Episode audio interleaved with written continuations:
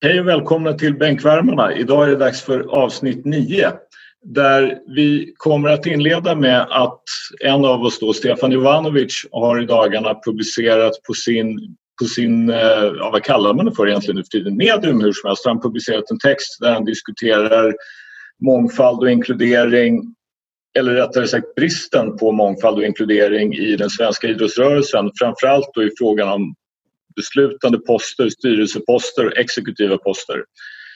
Vår coach Henrik Johansson har synpunkter på talangutveckling. Det kommer han att utveckla. Vi kommer att diskutera kontrakt i NBA, om de är bra eller dåliga, vilka vi tycker är kanske några av de bästa och några av de sämsta. Sen så kommer vi att ta några lyssnarfrågor från Twitter och så avslutar vi med gamla sedvanliga hot takes. Jag heter Henrik Sköldström och har med mig Addis Nimmerstam, Henrik Johansson, Nick Rajacic och Stefan Jovanovic. Stefan, du har ju diskuterat den här typen av frågor förut med varför det, ska svårt, varför det ska vara så svårt för svensk idrottsrörelse att faktiskt på allvar, enligt dig då i alla fall, inkludera människor som har en annan bakgrund än 100% svensk. Har du lust att utveckla det här?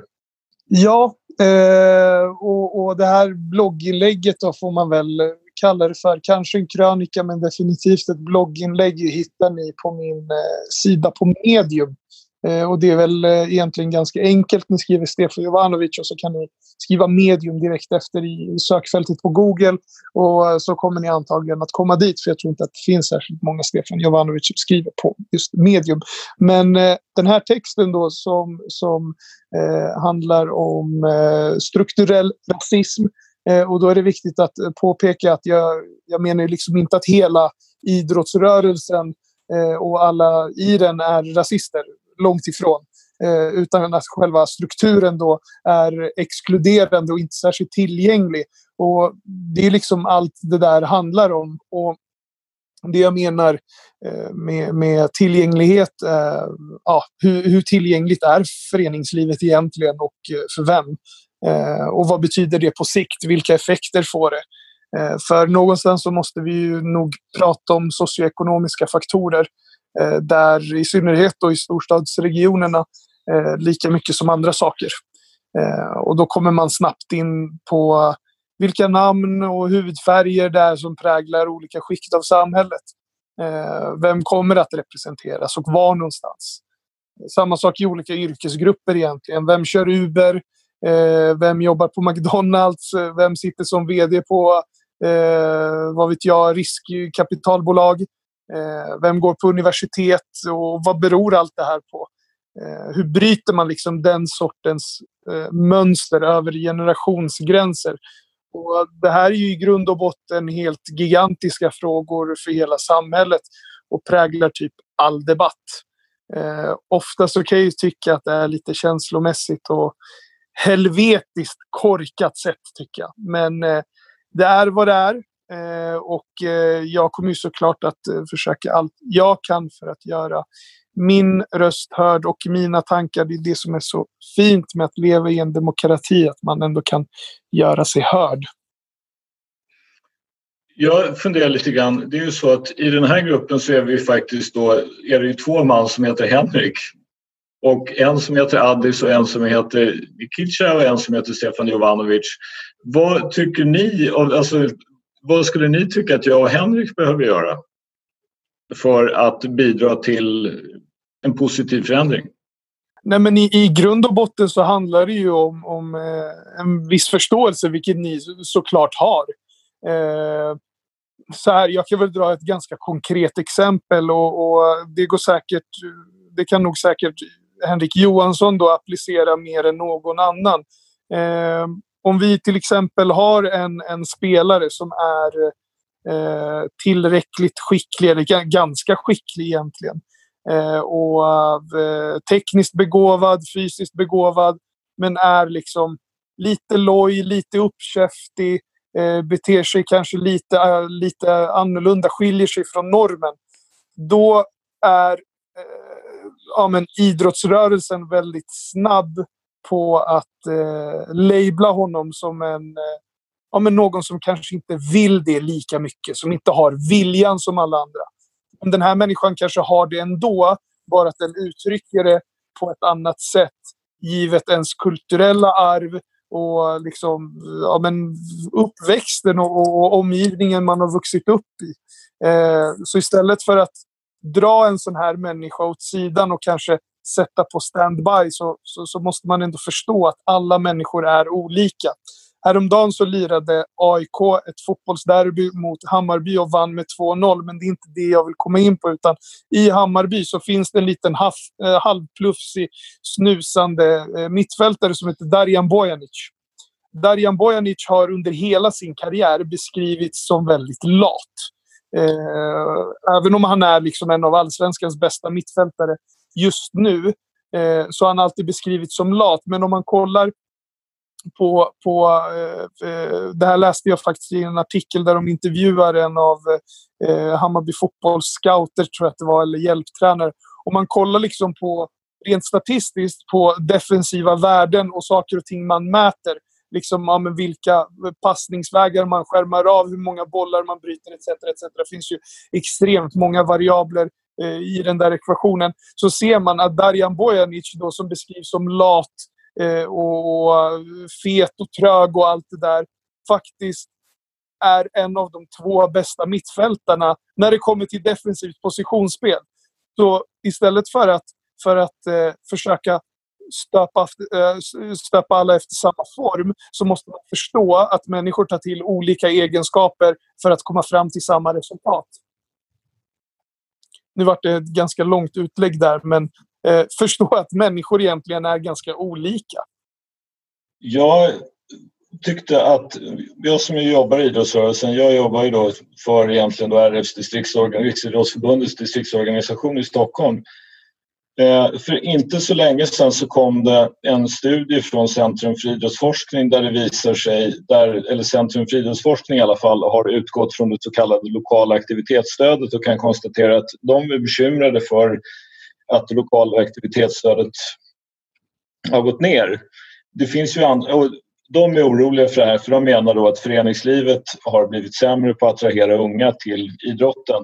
Det finns andra som gör andra typer av studier som menar att det inte riktigt förhåller sig så. Bland annat finns det något som heter Ung livsstil som är, används av ett antal kommuner, inte minst Stockholm. Då, men det jag ser som problemet om man tittar på föreningslivet är ju just det här att ja, om du har två föräldrar som har ett jobb som innebär att de har en viss frihet att kunna så att säga, styra sin egen tid på jobbet så kan de vara ideella ledare. Om du är barn till en ensamstående förälder som har ett jobb som kräver att du är närvarande, alltså typ att du jobbar i en affär eller kör Uber eller står på McDonalds och du jobbar från du jobbar vissa tider. Det finns inte möjlighet att flytta på de här. Du jobbar från 8 till 5 eller från 2 till 12 eller vad det nu är. Du kan inte styra det här. Då har du ganska mycket svårare att delta i föreningslivet. Och här är ju någonting som vi behöver fundera lite grann på. Hur jobbar vi med den här frågan för att just tillgängliggöra föreningslivet för de som inte har exakt den möjligheten att styra sin tid och kunna gå in som ideell ledare eller skjutsa och hämta eller vad som nu krävs för att ett barn eller en ungdom på ett bra sätt ska kunna delta i föreningslivet. Och det är ju som du säger då Stefan, där spelar ju faktiskt socioekonomiska faktorer en enormt stor roll.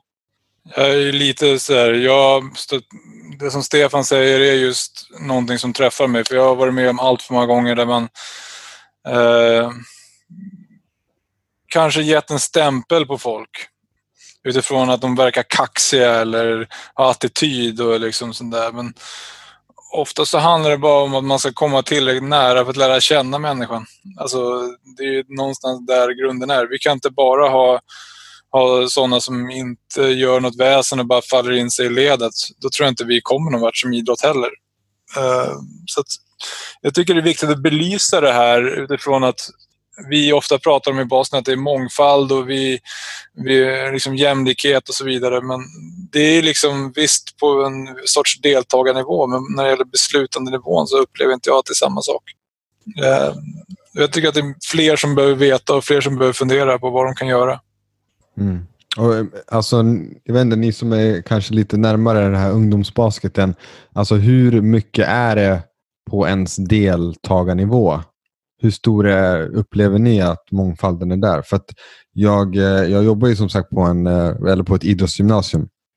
Och där kan jag se tydliga strukturer i vilken bakgrund har personen. Eh, Okej, okay, du spelar förmodligen den här sporten. Liksom, och det mm. är så liksom, i de flesta av fallen. Och Där kan jag säga att det jag märker är att mångfalden är inte stor i basketen. Alltså det är ju fotbollen.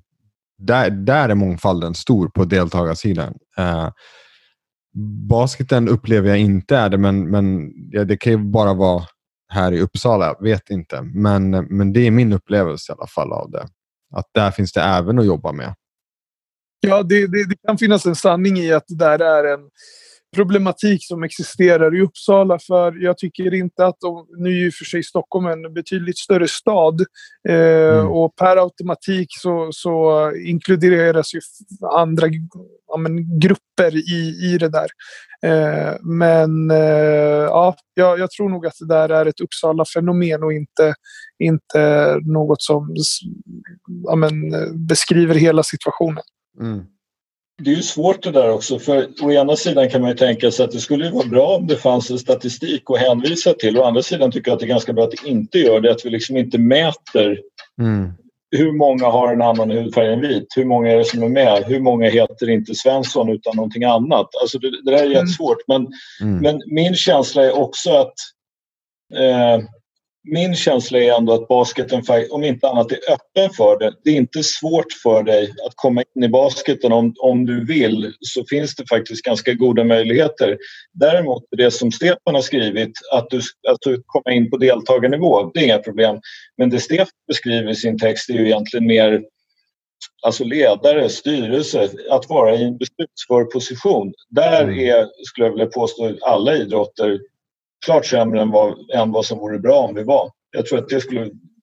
Det är mm. den stora, stora, stora frågan jag jobbar med. Jag tror egentligen att det är på sätt och vis ganska bra på deltagarsidan i den mån liksom det funkar. Men det, är mm. på det skulle bli bättre om vi kan lösa den här frågan med att man är med och bestämmer. Att man mm. har en, en, synpunkt på hur bedriver vi vår verksamhet? Vilka lockar vi? Hur behandlar vi människor och, för det är ju svårt, det vet vi alla, det är svårt i en lagidrott att ha 12-15 individer i ett lag och behandla alla individuellt. Det blir ofta väldigt lätt så att man behandlar det här som en grupp och man behandlar, tycker man, alla lika. Men det räcker kanske inte för att det ska vara bra för alla. Nej, men för så här, ledarskap, det, det, det, det kan man ju sköta på mikro och makronivå. Vissa har det eh, naturligt liksom i sitt beteende och sitt sätt att vara. Men fan, alltså, det där är så jävla svårt. Men man måste lägga stor vikt vid, vid, vid, vid att eh, åtminstone försöka se individen. Man behöver inte bete sig på tolv olika sätt mot tolv olika personer. Man har en övergripande ledarstil. Nu, nu raljerar jag bara. En övergripande eh, ledarstil. Eh, och sen så kanske man ska ta lite mer tid eh, åt att prata med, människor, med människorna individuellt och så här, försöka kom, kommunicera på deras premisser med dem på ett individuellt plan. Hajar ni vad, vad, vad jag försöker med? Det, det lät mm. jävligt mm. luddigt känner jag nu. Men, eh, men det är i alla fall något som jag har försökt ta med mig egentligen vart jag än har varit. För jag fattar ju någonstans att alla är olika. Herregud, jag är uppvuxen med en lillebrorsa med autism. Eh, han, han fattar ju inte alltså 90 procent av det som kanske någon annan skulle göra och vice versa. Eh, men han, han bearbetar och tolkar information på olika sätt. Och där någonstans så fattar man ju också att alla olika människor gör det på sitt sätt. Om jag och min farsa kollar på, på en och samma punkt så bearbetar vi den eh, informationen vi har tillhanda på olika sätt. Det bara är så tycker det där är hemskt viktigt. Alltså man kan se utifrån på vissa saker. Jag tror att folk kanske ska titta utifrån på mig som att jag är från Täby. Bortskämd snorunge oftast men samtidigt så är alltså, jag är uppväxt utan en farsa som var alkoholiserad som liksom alltihopa. Eh, morsa som var sjuk som redan gått bort. Eh, var mobbad för att jag var fet. Men det hade ingen vetat om ingen hade frågat. Alltså, och jag tror att det är just att lära känna individen. Det är A och O, alltså i ledarskap. Och någonstans så handlar det om att ställa frågan inte bara hur bra är du på basket, utan hur mår du? Exakt. I princip. Alltså hur mår du? Man kan se på en person om de mår bra eller dåligt och ibland så kan det vara bättre att säga så här, men vet du vad, gå hem. Eller vad behöver du hjälp med? Det handlar inte om basket. Ehm. Jag skulle nästan säga att det där går ju utsträcka till alltså, på något sätt att vara människa överhuvudtaget. Behöver inte vara en, alltså just där människor man träffar. Hur mår du? Ja, alltså, exakt. Vi frågar ju alltid hur är läget, men just hur mår du? Alltså att komma, vara lite öppen för hur folk har det. Och ha, kanske, ha två öron och bara en mun. Ofta, ofta är det ju så att man har lite mer mun än öron tyvärr. Man skulle behöva ha mer öron ibland. Mm. Nej, alltså det där är en diskussion som man kan dra hur långt som helst i alla fall. Eh, hur som, det här inlägget som, som, som jag har skrivit finns som sagt på, på min mediumsida. Eh, ni får jättegärna gå in och läsa det. Jag är överväldigad över den totala responsen. Över 24 timmar, över 2000 läsare. Folk har hört av sig på Instagram, Twitter, Facebook. Allt möjligt. Jag har till och med fått mail. Vet du hur länge sedan det var jag fick ett mail? Eller? Så, så fortsätt läsa, fortsätt höra av er och eh, fan, fortsätt vara bra människor så ska vi se till att, eh, att både rucka och ändra på strukturer eh, och, och, påverka nutiden och framtidens vägnar och allt sånt där. Jag kan bara säga det innan vi avslutar det här ämnet och går vidare till Henriks då, utläggningar om talangjakt så är det ju så att vi samtliga står bakom Stefan, det Stefan har skrivit i alla vi som är medverkare i den här podden står bakom Stefan i det här och tycker att det där var väldigt väl formulerat och någonting som vi vill bidra till att skapa en bättre, eh, ett bättre läge för fler helt enkelt. Vi går vidare i programmet och det här, nu, vi närmade oss ju nästan det där i slutet på förra ämnet när vi pratade om hur man ska möta individer. Henrik, du ville prata om talangutveckling. Ja, för jag kände, jag får ibland lite, jag vet inte, jag blir irriterad ibland när, när eh, jag läser vissa diskussioner kring talangutveckling och liksom Ja, det finns begreppet talang, men nu skiter jag hur vi utvecklar spelare i svensk basket. Då. Eh, jag har genom alla år egentligen antingen gått till eh, liksom, ungdomslag i hög ålder eller seniorlag. Och bland det första som jag möts av, som jag tycker är så otroligt dåligt bland svenska spelarna, det är spelförståelse. Att kunna läsa situationer. Och då pratar jag inte om såna här gigantiska grejer, utan det handlar om i en situation att göra rätt läsning. Bara att kunna, i princip, oftast finns det två val. Antingen så liksom gör du det ena eller det andra. Och konsekvent, även när jag tittar på liksom hög nivå basket i år, nu så ser jag inte folk kan göra det konsekvent. Ehm, det är ingen liksom hjärnkirurgi tycker jag. Det är liksom, för mig finns det jävligt basic fyra typer av screens. Det finns du screenar ner, du screenar upp, du screenar sida eller du screenar på boll. Motparten av det, vad du kan göra mot dem, det är i princip du kan curla, du kan poppa.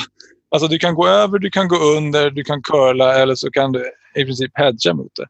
Så jag tycker liksom inte det är några gigantiska grejer att liksom, det går att nöta. Men då möts jag av det här att nu finns en diskussion angående pick and roll. Och då säger på det här diskussionsforumet på Facebook. Och Då säger de så här, ja men vi kan inte börja nöta det för folk förstår det inte än. Om vi hela tiden ska anpassa oss efter vad folk förstår, då kommer det dröja ett bra tag innan vi kan göra någonting. Vi måste bygga in vanemönster av hur man gör saker och ting och för sen förklara liksom varför. Uh, ungdomsspelare förstår inte varför förrän de är 14, 15, 16 om vi ska vänta med allting tills dess så kommer det dröja så otroligt mycket tid innan vi, liksom, vi kommer någon vart. Eh, jag ska säga, jag blir lite så här, folk pratar om rörelse utan boll. Jag tycker så många lag antingen har meningslös rörelse utan boll, det vill säga man bara kattar för kattandets skull. Eller så har de spelsystem som är meningen för att vinna nu. Och här förstår jag att de som har sett mig coacha, de tänker så här, ja men du hade en jävla massa spelsystem. Ja, det hade jag. Även på ungdomsnivå hade jag nog mer än vad de flesta hade. Och, men jag hade dem som verktyg. För att få träna de här situationerna. Screena upp, screena ner, screena sida, screena boll. Att konsekvent få jobba det, träning ut, träning in. Men det var inte mest för att vinna, det handlade om ett verktyg för att lära spelare att kan jag läsa den här situationen på ett bra sätt? Men sen om vi då väl läst situationen så är vi så jävla dåliga passare. Vi får inte fram passningen till att det blir ett avgörande läge. Och det spelar ingen roll hur bra vi ens har gjort det. Om vi inte kan passa bollen, då är det helt kört ändå. Liksom, nu går ju det här, liksom, man ska... Jag vet inte. Man ska göra mycket med boll.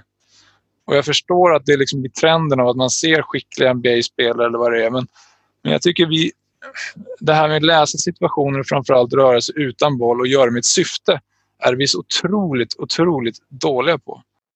Då har jag, då har jag en fråga till dig. Ja, kör. Eh, tror du att det är eh, ja, men ett egenskapsproblem att liksom, spelare inte vet eller fattar? Eller tror du att det handlar om eh, utbildning på en övergripande nivå, det vill säga den utbildning tränare får via basketdistriktsförbund och basketförbund? Eller tror du bara att det handlar om att tränare generellt sett i Sverige är ganska dåliga pedagoger? Tack Stefan, för en av de absolut viktigaste sakerna som jag är så trött på att höra, det är att spelare är dumma. Alltså jag avskyr när folk säger att spelare är dumma. De har inte blivit coachade för mig. Alltså rent krasst i att göra de här situationerna. Sen mm. tror jag att spel, alltså coacher kanske inte har de verktygen att kunna göra det här. Eller de, de, jag tror inte de flesta vet om hur man ska göra det. Så Nej. det är en viss del i utbildningen. För jag tror inte folk vet liksom hur de ska coacha det här. För att de vet mer så här, ja de ser häftiga grejer på Youtube, Steph Curry, alltså folk som kan mycket skills och så försöker de lära ut det. Medan det här spelet utan boll, Eh, det vet vi inte på samma sätt. Det lär sig inte ut på samma sätt. Det är liksom inte någonting som jag tycker att vi generellt använder.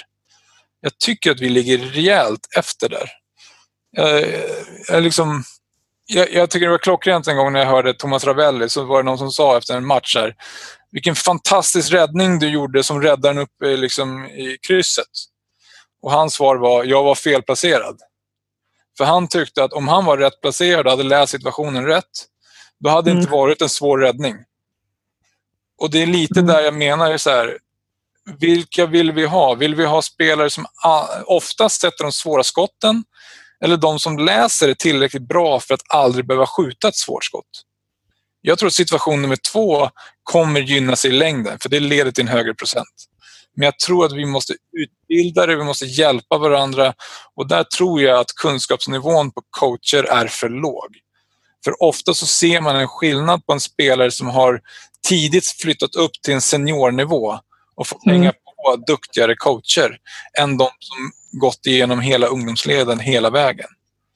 Och, tror... Och tror du, tror ja. att det, förlåt nu, nu hoppade ja. jag in igen, men tror du att det är för att eh, svenska tränare generellt sett har eh, en ganska dålig grund att stå på? Eller tror du att det har att göra med att eh, de kanske inte fattar eh, utbildningarna eller slutligen då att utbildningsmaterialet inte är tillräckligt bra. Det är en kombo av allt.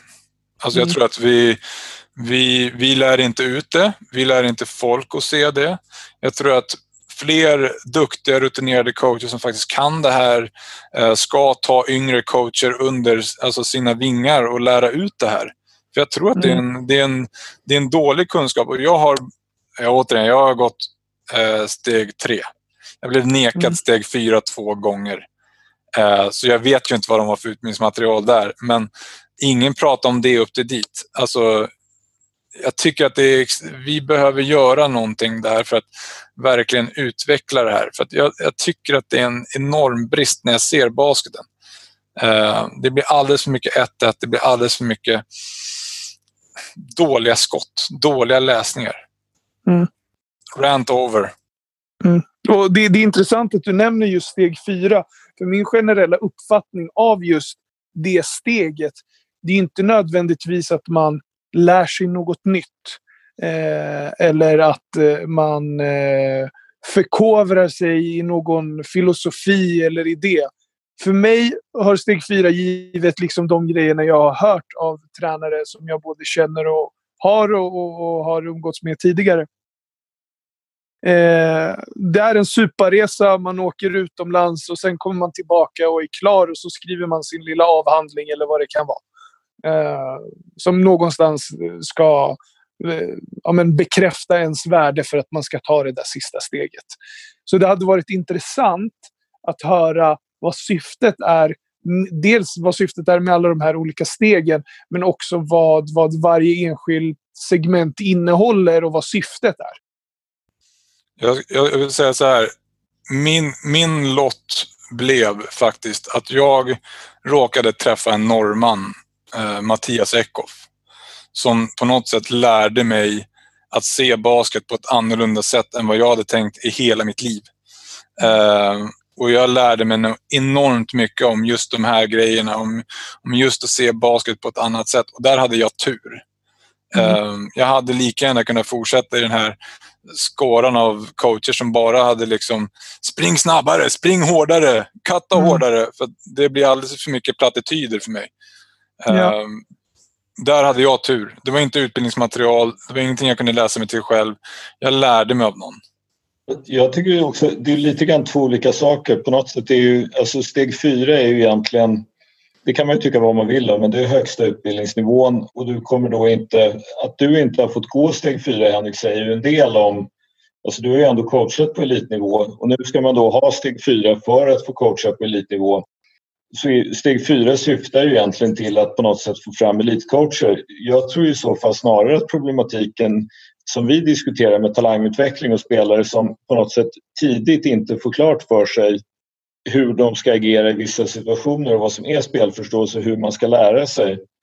Det är ju egentligen ett, det är ett problem tidigare på ungdomsnivå. Det är ju på något sätt två olika utbildningsmaterial. Du går steg fyra egentligen för att du ska coacha ett lag på elitnivå. Steg ett och steg två och möjligen då steg tre, där handlar det då om ungdomsnivå 14 till 18 eller vad det nu kan vara. Eh, och jag skulle vilja säga att det är två lite grann skilda saker. Sen så vill jag dessutom säga att det är fullt tänkbart att en eller annan har åkt på en steg 4-resa och kanske inte fått ut så mycket av det. Men jag har ju, varit på, jag har träffat en del av de där coacherna som har varit när jag jobbade på förbundet som har varit på steg 4. Och steg fyra består ju faktiskt mycket i just att presenteras för olika situationer och diskutera dem inom gruppen. Så jag tror att gruppen är väldigt avgörande också för hur bra steg 4-utbildningen blir. Alltså vilka diskussioner får man igång? Hur kan man, vilka diskussioner kan man föra? När man är och ser matcher i Euroleague, hur, hur löser man liksom olika uppgifter? Hur, på vilken nivå kan coacherna klara av att diskutera? Det handlar väldigt mycket om vilken typ av förberedelse. Jag vet att det var Liv till exempel. Man var, det var väldigt många som var väldigt upprörda över att Kelly Grant och Jonte Karlsson var tvungna att gå steg fyra. Han tyckte att men båda de två är kort. Jag är däremot rätt, och det kan man tycka vad man vill om. Jag är däremot rätt säker på att Kelly och Jonte bidrog till att de som gick steg fyra med dem bidrog till att nivån på den utbildningen för de som var med och inte var Kelly och Jonte blev mycket högre. Ja, definitivt. Det kan jag tänka mig. Och jag tror Henrik, när jag hör din rant lite grann så är det ju ett, en fråga av att vi har inte riktigt en djup liksom basketkultur. De flesta har spelat fotboll själva på något sätt och tittar mycket på fotboll. Hamnar du som ideell ledare för ett gäng tioåringar så har du i alla fall på något sätt spelat. Vi har färre som har en lite djupare basketkunskap. Ja, alltså jag, plötsligt, jag... plötsligt hamnar då så att säga som någon slags extra tränare eller någonting för 10-12-åringar eller vad, vad vi nu kan prata om och kan förmedla spelförståelse. Men jag upplever ju också, det hemskt, jag hatar varje gång jag säger det här att liksom, typ det var bättre förr. Men jag upplever också att spelförståelsen på, hos unga spelare har försämrats. Alltså jag kan ganska snabbt kolla på ett lag och se hur pass bra, alltså jag känner, man kan se ganska snabbt hur väl ett lag är coachat. Alltså utifrån hur de agerar i situationer, hur de agerar utifrån försvar, anfall, läser situationer, vad jobbar de, vad nöter de? Eller om det är mer bara så här, eh, och det, det här hatar jag också, bara gå ut och kör. Alltså så här, vi vill köra fritt, kallar de det. Men samtidigt så är det så här, ja men hur ska då de veta riktigt vad de ska göra? Jag, jag hade en jättediskussion med min... Eh, vi hade en diskussion med min sambo när, mitt, alltså när Tove, min äldsta dotter, var ett. Så här, Nej, vi, vi måste stänga av TVn för hon måste ha fantasi. Ja, men hon måste ju få något grundkorn till en fantasi från någonstans. Sen kan ju hon spinna vidare på det där. Eh, och någonstans så är det så här, man behöver riktningar. Jag vet att Södertälje alltid varit liksom, på damsidan med Benny. De, de nötte ju vissa varianter om och om igen och hade sina liksom så här, kommer dit så gör det, kommer dit så gör det. Och till slut blev det fritt av att de visste vad de skulle göra i de här situationerna. Men Mm. att bara slänga ut folk och bara säga så här, kör. Det kommer inte leda till någonting. Alltså, rent krasst. Nej, jag håller nog med om det. Jag har en känsla av att vi inte har diskuterat färdigt talangutveckling eller vad vi nu ska kalla det för. Jag tror att vi kommer att fortsätta diskutera det här och jag tror att det finns ju lite grann en sån här en, att man rör sig mot en diskussion att finns talang och allt det där. Jag är av den bestämda uppfattningen att talang finns men att den kommer i många olika skepnader. Det är en talang att vilja, det är en talang att orka träna. Alltså, eller vad man, alltså en läggningsfråga, du kan kalla det vad du vill. Men jag tror att det är ganska många ledare som skulle kunna utvecklas och därigenom bidra till en bättre utveckling för väldigt, väldigt många individer. Sen kan man kalla det för talang eller någonting annat. Men, och det kommer vi som sagt förmodligen återkomma till. Ska vi gå vidare i programmet till eh, någonting ganska handfast istället. Bra och dåliga kontrakt i NBA. Nick, du har inte sagt flaskhals här nu på 40-45 minuter. Du får börja här med att ta ett par kontrakt som du gillar eller inte gillar. Ja, alltså grejen är, jag hade velat se något om med talangutveckling. Men gör det då. Uh, Börja med det och sen så tar vi kontrakten för du har som sagt inte sagt någonting. Du har hamnat helt utanför. Så kör på talangutveckling och så går vi vidare till kontrakt sen. stör det vårt schema? Nej? Inte ett dugg. Nej, okej. Eh, Henrik, du nämner eh, att eh, det är mycket en mot en och sådär. Uh, och eh, jag, jag säger inte att jag ser på ungdomslandslagen mest av alla i Sverige, men det är inte många som ser på de här matcherna mer än mig. Eh, kan jag lova dig. Och eh, jag kan säga till er att vi är helt otroligt dåliga på att spela mot en. vi kan inte göra det. Eh, vi, när man ser spelare som Olle Lundqvist, eller Pelle Larsson eller Elijah Clarence, det ser nästan löjligt ut. Oh shit, här har vi en spelare som faktiskt slår sin gubbe mot en och går hela vägen och skapar något. Jag sa inte att vi var bra på det. Okej, okej. Ja, men, men för vi vi är extremt kassa. Sen, sen hur vi skjuter är ju helt, det är också väldigt, väldigt, väldigt dåligt. Uh, jag räknade ut att sommaren 2019, och då räknade du in både damlandslaget och herrlandslaget och samtliga ungdomslandslag, så sköt vi kring 25 procent från treor.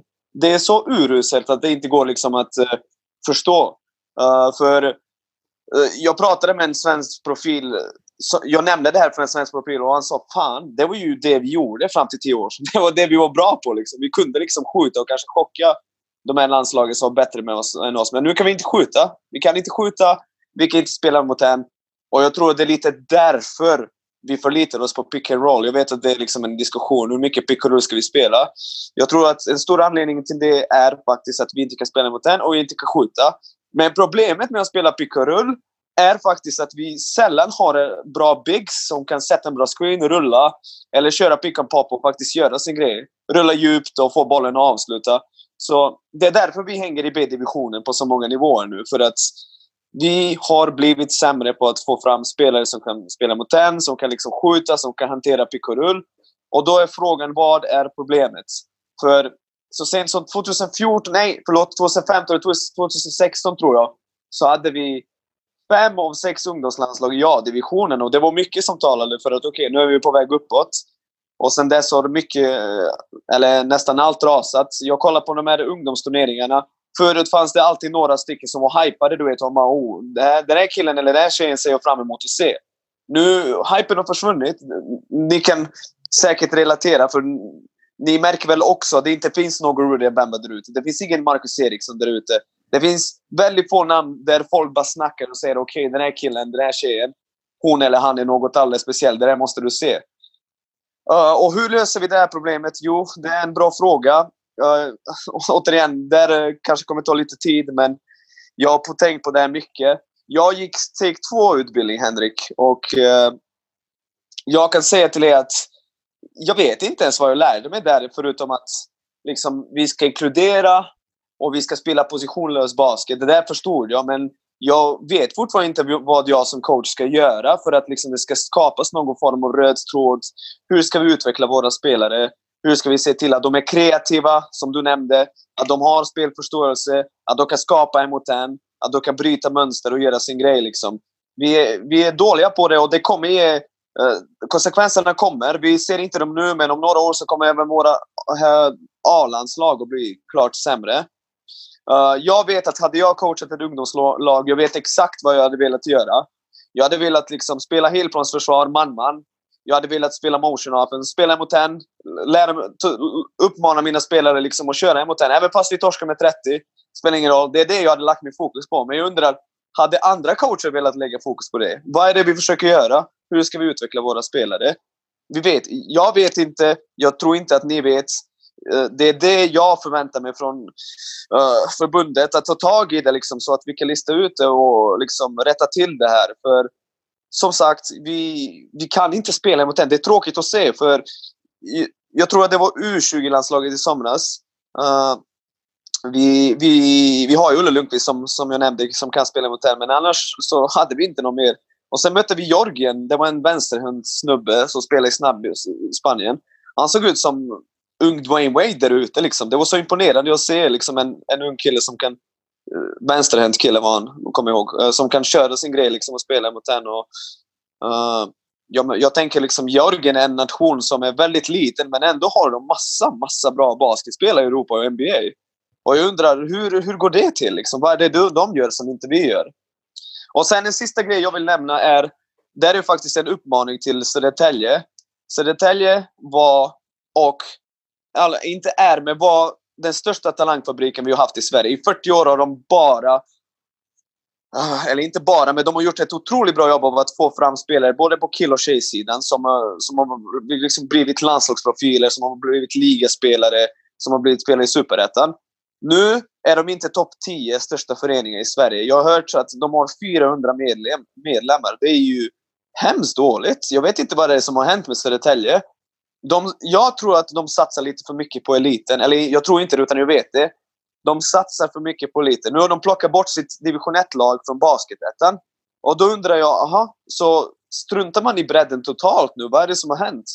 Vi behöver Södertälje att vara en talangfabrik först och främst. Jag förstår att de vill vinna guld, jag förstår att de vill vara där uppe och tävla.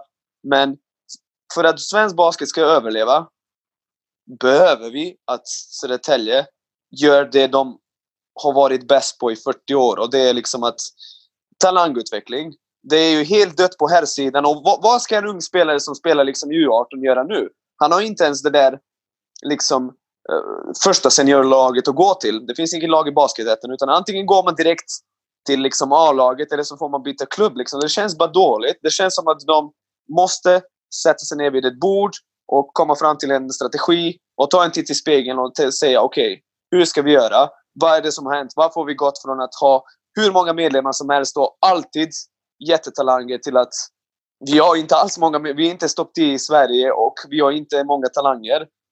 Uh, så ja, det är det. Eller i och för sig, det är ju eh, Johan, Johansson. För jag ser bara dig eh, av någon anledning. jag ser inte de andra. Uh, vad heter det? Uppsala exempelvis. Från 87 till 93 så var det så många duktiga spelare som blivit landslagsspelare, som blivit ligaspelare. De gjorde ett jättejobb där. Uh, fått en spelare draftad i NBA, utlandsproffs, flera utlandsproffs. Men nu är det helt dött där också. Så vad är det som har hänt? Vi måste lista ut... Vi måste ta, först och främst ta en titt i spegeln och konstatera att vi har ett stort problem. Och sen måste vi hjälpas åt att lösa det här problemet. Jag, jag säger det första är så här. Uh, jag tycker att när det gäller den första poängen då när det är ungdomslag. Jag såg några. Jag har absolut inte sett lika mycket som dig Nick. Uh, men det jag tycker när jag ser det är så här. Jag tycker att vi skjuter dåligt för vi spelar för jävla kast och sen blir det forcerade skott. det leder sen till taskigt självförtroende. Så när de väl får ett öppet skott så är det så jävla betydelsefullt att sätta det där. Så de kanske når 40 poäng i en match. Alltså, hela den grejen tycker jag hänger ihop.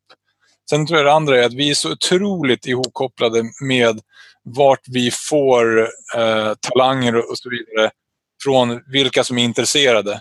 Du beskriver 87 till 93. Det är många före detta föräldrar, tycker jag. Eh, Jämtland, deras generation som de har nu, det är före detta föräldrar som har spelat. Mats Lundqvist, Pekka Johansson.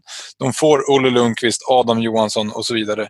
Alltså det finns ett, någonstans så är det någon som drar en. Det finns inte en kanske gemensam strategi utan det blir så här, ja okej, okay, vi, vi får se sen med flickor 14 och pojkar 16 när det är dags för mig. Eh, liksom vad den kullen ger och så vidare. Men det är ju det är så det blir. Det finns inte liksom gemensamt den här stora strategin som vi egentligen efterlyser, tycker jag. Ja, och, och, man, vill inte, man vill inte klanka på de här ledarna som ideellt lägger ner tid nu, men eh, no, något har hänt. Något har hänt och då blev det drastiskt sämre. Och vi måste hitta en lösning. Och Stefan skrev till mig nu, det kanske var 400 utövare, inte medlemmar. Men jag är inte säker, det kan vara medlemmar till och med, Stefan. Jag måste kolla upp det. det. Det jag ville ha sagt var att jag tror att du blandar ihop medlemmar med utövare. Det är absolut inte orimligt att Södertälje har, eller har haft 400 medlemmar. Däremot så är jag kanske mer skeptisk till att de har 400 aktiva spelare i föreningen. Sen kan jag ha fel. Det kan vara totalt tvärtom. Jag, vet ja, jag, måste jag, har inga, jag har inget perspektiv på vad som är mycket och lite i en förening i och med att jag själv inte är i den, i den såsen. Men eh, jag tänker så här, du beskrev, du beskrev generation 87 till 93. Jag tror någonstans att det vi ser idag, det är en effekt av, eh, av eh, ja, men det här eviga daltandet och införandet av Easy Basket och inte räkna resultat och att inte tävla och både det ena och det andra. Jag tycker att det curlas för mycket i svensk basket. Eh, ni som känner mig och ni som vet vad jag har gjort tidigare vet ju att jag gillar att tävla. Och, och den viljan att tävla föddes någonstans på basketplanen. Och jag tycker alltså det, det daltas alldeles för mycket. Och man ska inte tävla och man ska inte göra någon ledsen. Det ena, det andra och det tredje. så här, jag fattar. Jag fattar att människor beter sig olika i olika situationer. Men när allt kommer omkring så är det idrott och sport vi sysslar med. När, när, när barnen kliver ut på plan så är det ett lag mot ett annat. Det är självklart att tävlingen är essensen i det där. Varför räknar man inte resultat? Varför håller man på med, med, med konstiga upplägg som inte leder någon vart? Och kolla den här generationen vi har av, av spel, ungdomslandslagsspelare vi har idag. Om vi jämför den med, med, med ungdomslandslagsspelare som vi hade för typ 10-15 år sedan. Det är som dag och natt, känns det som, för mig. Nu kan jag det det. absolut ha fel.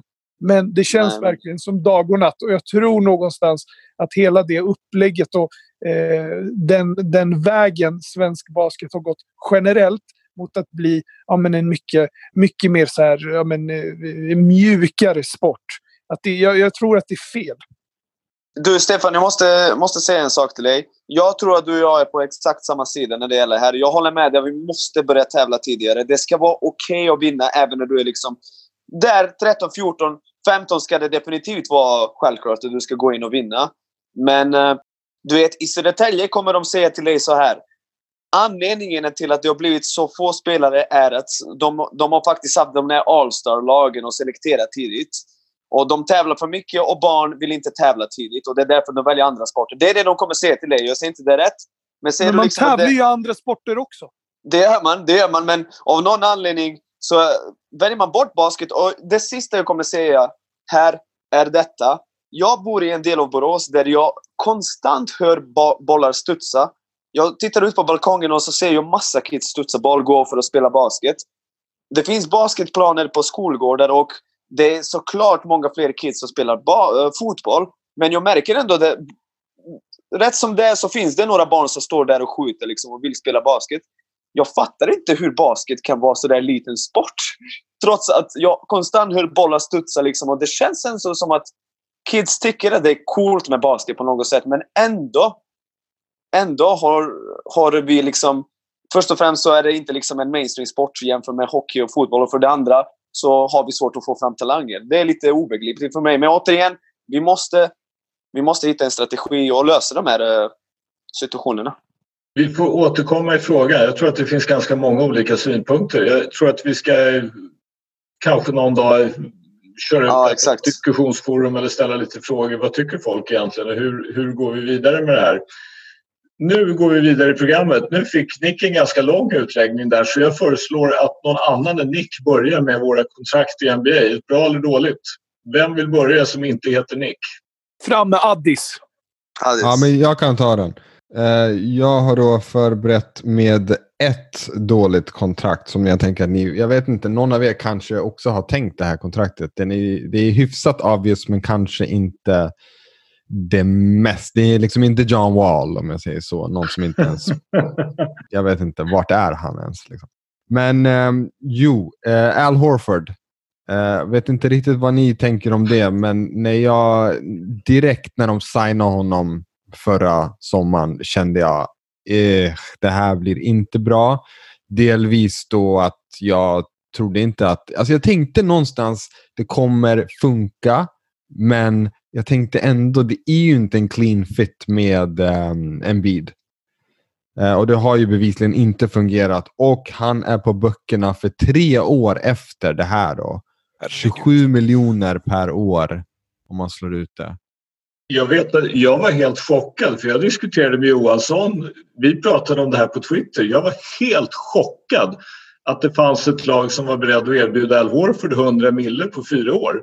Jag mm. trodde inte att det fanns en chans att han skulle opta ut från, från Boston just för att det liksom där hade han ju vad det nu var någonstans mellan 25 och 30 och någonting och så tänkte jag att men okej fine om han kan få ett två eller treårskontrakt någonstans som ger honom 15 om året eller möjligen 20 då, så är det kanske då någon, någon typ av max. Och sen så kommer Philly och säger “Hold my contract”. Mm. ja, ja, verkligen. Och alltså, det var ju det som var skillnaden. Med, alltså, det fjärde året var ju det som fick honom att dra till. Det var ju det han ville ha. Ett fjärde år. Mm. Eh, och Philly gav det till honom. Men ja, det där kontraktet kommer inte... Och, alltså, han är 34 år idag, tror jag. Ja, eh, ja 86. 86. Ja, precis. Eh, 34 år och det finns liksom ingenting med hans game eller hans kropp eller hur han rör sig på planen som får mig känna så här, ja men han kommer liksom age väl. Eh, han är liten för sin position och han rör sig inte speciellt bra. Eh, har ganska tunga fötter. Eh, hans release är långsam. Alltså det är liksom jag ser inte hur han kommer ja, fast, vara produktiv. Fast Addis, vänta, vänta, vänta, vänta, vänta. Nu pratar du om Al Horford som om han uh, vore liksom Adam Keefe eller något. Du måste ändå förstå att han...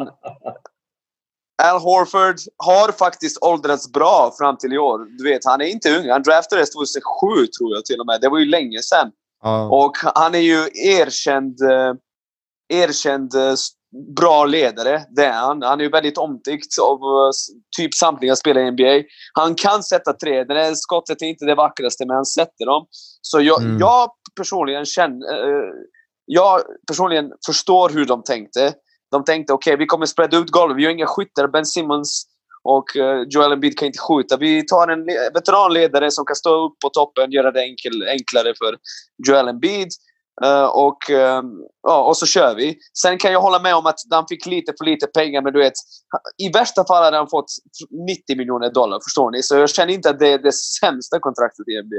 Ja, men det är det fjärde året jag känner. Alltså, jag ser Okej, okay, ja, liksom... det är lite för många år känner du? Okay. Ja, det är lite... Alltså att, att, att Al Horford ska tjäna 27,5 miljoner eller vad det nu är det år han fyller 38. Alltså, nej. Ja, det är inte bra. Jag är ledsen. Det, nej, det... kanske inte. Han kommer knappt kunna vara på planen, tror jag då. Alltså, det kommer ju bli en avbetalning över x antal år istället. Och så ja, exakt. De kommer nog lösa det där på något annat sätt. För jag ser inte honom spela minuter. Jag, jag vill bara parafrasera min, min broder Gilbert Arenas när vi ändå är inne på det här. Spelare får betalt för det de har gjort och inte för det de ska göra. Ja, helt rätt. Eh, så sett till det så, så är det väl ändå rimligt, förutom kanske det där sista året, som antagligen kommer att bli en buyout och en avbetalningslösning. Mm. Ja. Fast det var, alltså, någonstans var det ju faktiskt så att han hade ju Alltså, han hade ju då, som jag minns det, så hade han en player option på sista året i Boston. Alltså redan hans kontrakt i Boston så var det ju ett snitt då på över fyra år med sista året på player option på över 100 då. Så han som 34, liksom det året han fyllde 33 så hade han 29 från Boston. Och att han kan opta ut från det och få fyra år på ungefär samma nivå det, år han fyll, liksom det året han ska fylla 34 från ett lag som då vill vinna nu. Alltså, jag är ledsen. Jag, det, jag, jag, tittade på det där, jag tittat på det där kontraktet. Jag, vet, jag, trodde, jag trodde han skulle vara kvar i Boston för jag tänkte kan han... Alltså, men uppenbarligen var ju Danny Ainge general manager i Boston Celtics. Han var ju uppenbarligen ganska hårdnackad. Och ville inte ge Horford särskilt mycket mer. Och någonstans måste jag säga att Danny Ainge har rätt.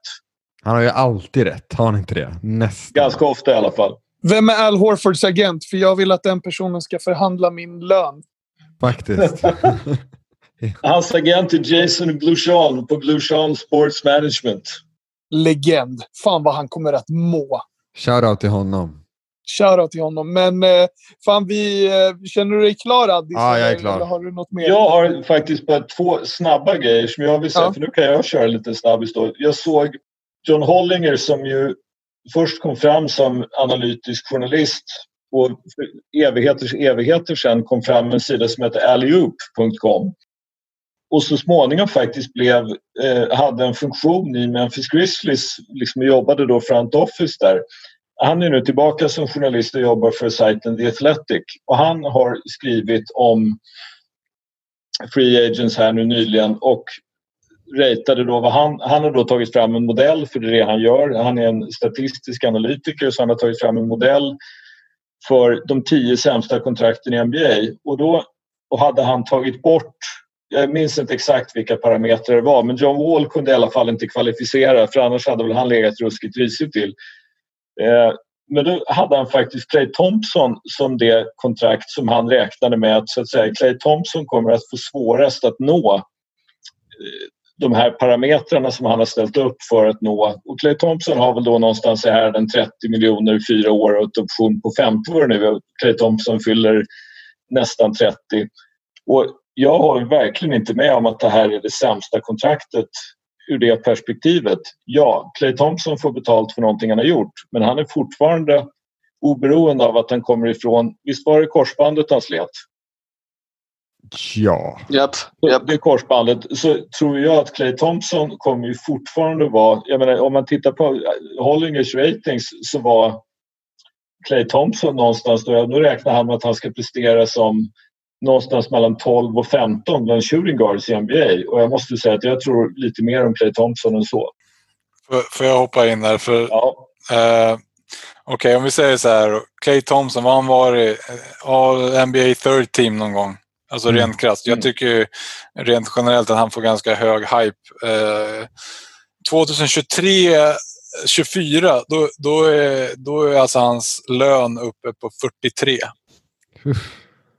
Alltså, och då fyller han 34 under det året. Alltså han har de närmaste åren, så han har alltså 32 i år, 35, 38, 40, 43. Mm. Han och hans bulldog kommer alltså må jävligt bra. Jag säger inte emot att han, att han har fått för mycket pengar. Men det är ju som Stefan säger. Ett, får han lite betalt för vad han har gjort. Ja. Sen är det, ska man inte underskatta, det är två saker där också. Ett så är det då Golden State som en ny arena de kan betala de här pengarna och det handlar ju också om att fortsätta vara Alltså, du överbetalar ju alltid för spelare i den åldern. Du överbetalar ju alltid för någon som är bra. Du kommer ju aldrig att kunna så att säga, få fullt värde för Clay Thompson. Det är helt, helt omöjligt om man liksom ska, framförallt om man ska räkna någon form av statistik. Men om Golden State kan vinna en titel till med Clay och Stephen Curry och Draymond Green så tror jag att ägargruppen och alla fans kommer att säga det var så värt det. Definitivt.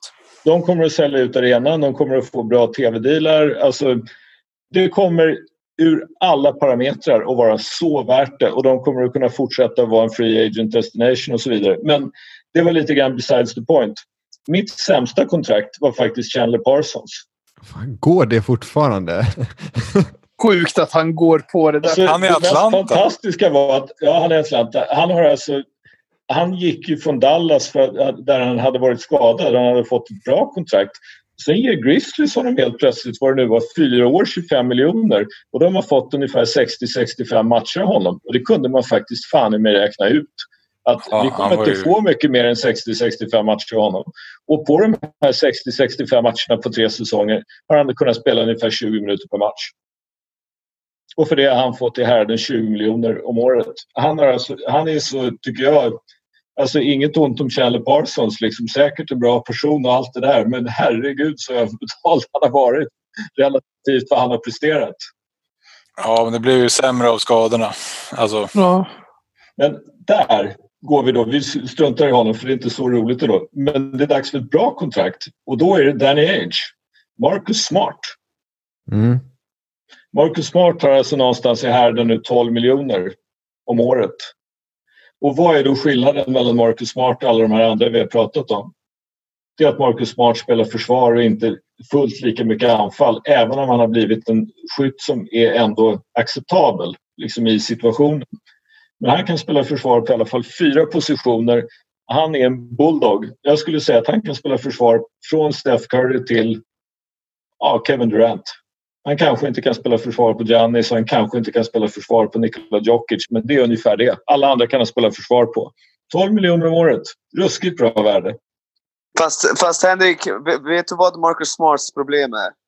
Han tror att han är Clay Thompson. Det, det är det som är problemet. Alltså han eh, skjuter ju eh, i, i hela tiden och sen i klatschen så tar han faktiskt boll, bort bollen från Tatum och bara hy- hystar iväg sjuka skott. Jag, jag är jätteimponerad av vad han kan göra på defensiva planhalvan. Han är verkligen hur värdefull som helst i Boston. Men alltså han är, han är ju en sån spelare han, han är inte J.R. Smith, men jag ser att han, är, han kan vara J.R. Smith-ish i anfallsspelet ibland. Bara få för sig att göra lite crazy grejer och bara typ, få iväg 15 treor, sätta fyra typ.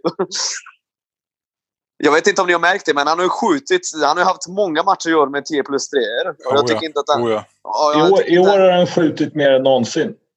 och jag tycker inte han, han, att han ska skjuta 10 plus 3 per match. Men han har inte skjutit bra i år. Men förra året sköt han bra faktiskt. Och det är ju kanske varför han också lyckades få eh, pengarna. Men, Mm. eh, men jag, jag tycker ändå att det är ett bra kontrakt. Alltså Ainge är ju en eh, tuff förhandlare. Det är ju inte någon som... Han är ju ruthless liksom och känner inte ja, mycket för sina spelare utan han är väldigt eh, pragmatisk i, i sina förhandlingar. Mm. Fråga liksom eh, Isaiah Thomas till exempel. Mm. Mm.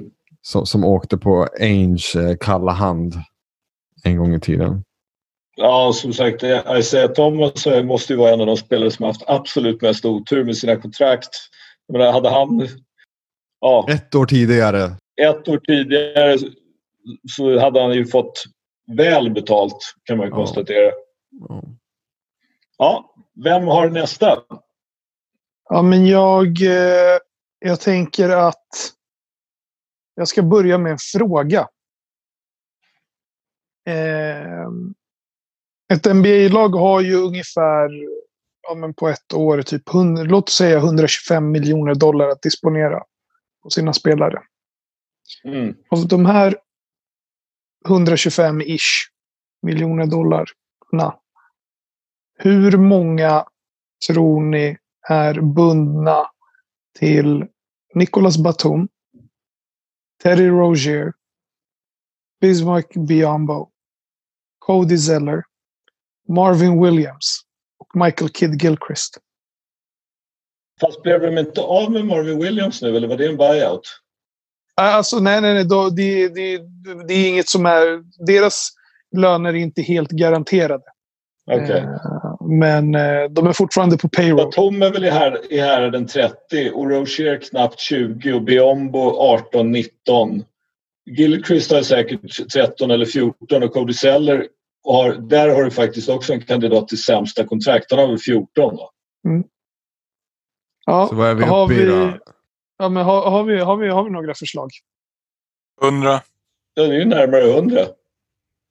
105 miljoner ligger på de här lirarna.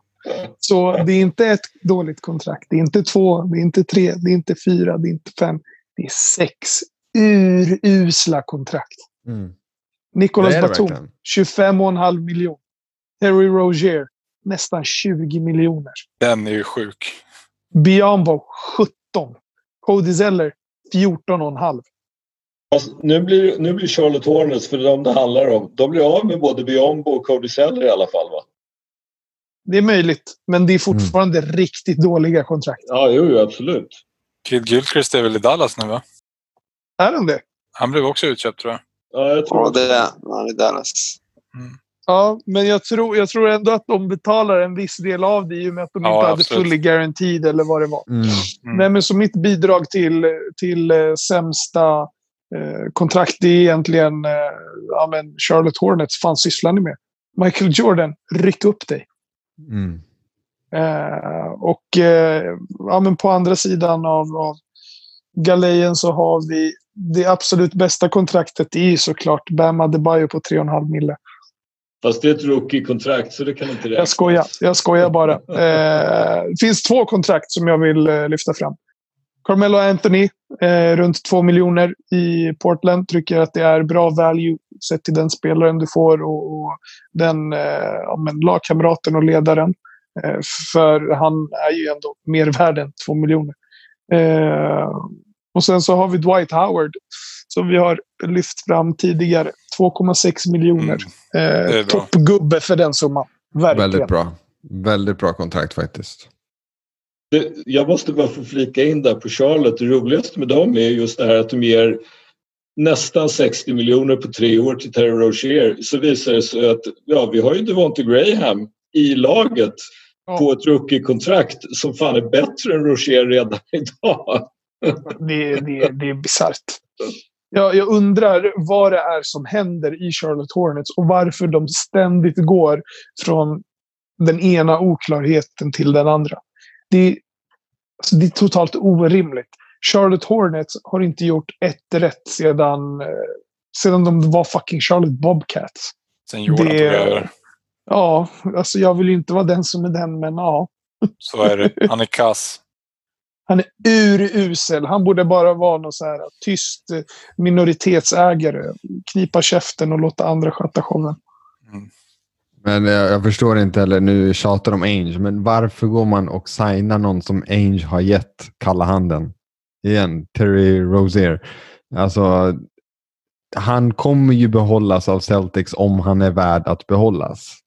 Mm. Det är ju ganska enkelt att liksom läsa den situationen. Att här är någon som inte är värd pengarna. Annars skulle aldrig Celtics ha släppt honom.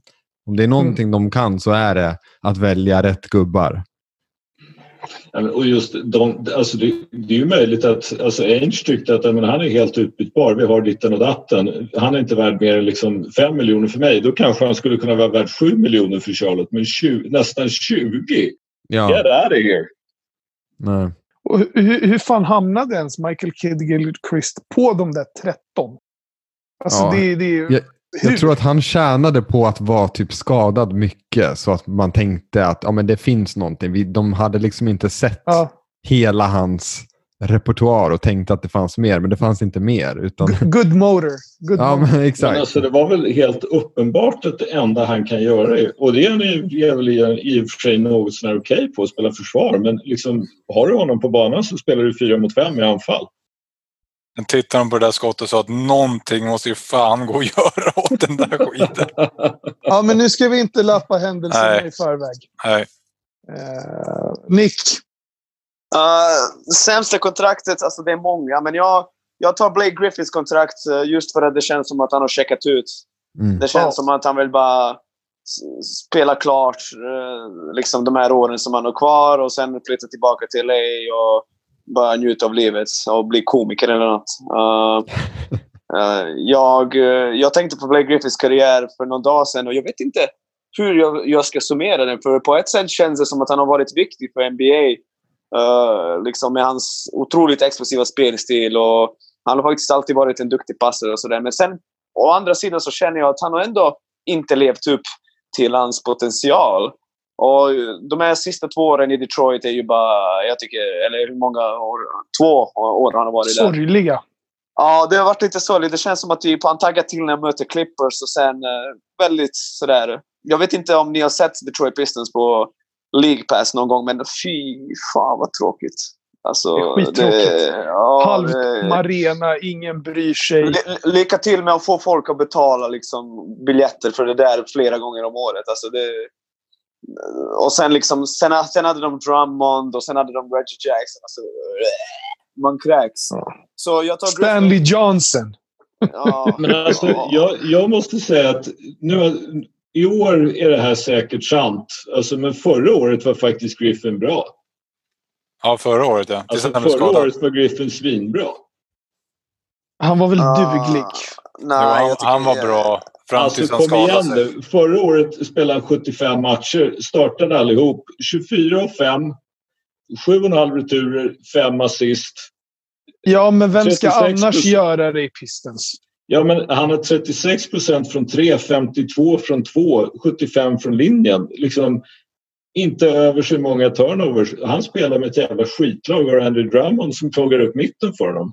Alltså förra året var Griffin bra. I år däremot, fine. Liksom nu, och att de har tre år kvar med honom för vad det nu är, 110-115 miljoner någonting. Det är ju inte roligt för dem. Jag håller med om kontraktet som sådant. Men i fjol var Griffin bra. Det var ju egentligen det var ju Doc Rivers och grabbarna egentligen som bara så här. Här får du pengarna, du är franchise. Hej då! Ja, hej då. Vi lastar det kontraktet på någon annan. Kommer ni Ja. ihåg när han började skjuta från halvdistans ett år och alla bara shit, Blake Griffin. Från notorisk eh, korgavslutare eh, till att skjuta från halvdistans. Nu lossnar det. Nu blir han det där. Hände inte ett skit. Uh, och sen vill jag ta ett bra kontrakt. Jag tar Montrez Harrell. Uh, jag tror att han tjänar typ... Jag, jag såg någonstans att han under sin karriär har tjänat ihop eh, 15 miljoner dollar, vilket är helt sanslöst. Med tanke på hans, produ hans produktion de senaste två åren. Jag menar, Marvin Williams tjänar 15 miljoner på ett år. Liksom, och han Ja. är ju... Och han är ju ändå en eh, klart sämre basketspelare än Harrell. Och Mm. Jag har snackat med vår, eh, eh, vår polare Jonathan Hubbe om det. Han tror att... Shoutout eh, Hubbe. Ja, shoutout. Han är en riktigt bra människa och basketkunnig. Uh, han säger att det finns en möjlighet att, att Harold tar en paycut precis som Lou, men jag tror inte att uh, Hubbe förstår att Harold, det är någon som kommer kasta 80 miljoner på honom. Jag menar, han snittar ju liksom 20 poäng per match och, och har varit helt ovärderlig för Clippers från bänken. Och att han tjänat så lite pengar är ju bara helt sanslöst. Jag hoppas den där killen förtjänar faktiskt att få sin payday. Och jag tror att den kommer uh, nu till sommaren. Ja, jag tror att han... Vart- Vad, Han vad har vi dra. för, eh, för rimliga destinationer för Nej, vi- jag, jag, jag, jag, jag Garbage snackade? Vet du vad? Jag snackade om det med Hubbe och, jag, det första laget jag nämnde var faktiskt eh, Hornets. Jag sa alltså Jordan ger honom 80 miljoner mer än gärna. Liksom. Och så kommer Ah, vi sitta här om ett år och säga så här. Sämsta kontraktet. Montrez så- Harrell. Ja, verkligen. kanske League dit, Atlanta? han tjänar Ja, ja, pengar. vi, andra laget vi nämnde var Atlanta, Henrik. Det är Ja. det sjukt. Först nämnde vi Charlotte, Ja. sen nämnde vi Atlanta. Så det är väl de är Men två nu som har väl känns- inte de behovet va? Längre. Jo, jo, jo, jo, jo, jo. Varför? Colin, Collins och... Jaha, just det. De har ju Capella där. Precis. Alltså, jag tänker De att de inte har det Capella. längre. Så de har både Capella och Collins. Ja, jag tror att det Känns blir... inte som 80 miljoner till Montrez. Men alltså om det är något vi vet, något lag löser det där. Alltså Ja, ja, ja. pengarna Ja. ska spenderas. Så är det ju alltid. Så är det. Det är klart att någon kommer att kasta pengar efter Montrez. Ja. Det, är, det är jag också helt säker på.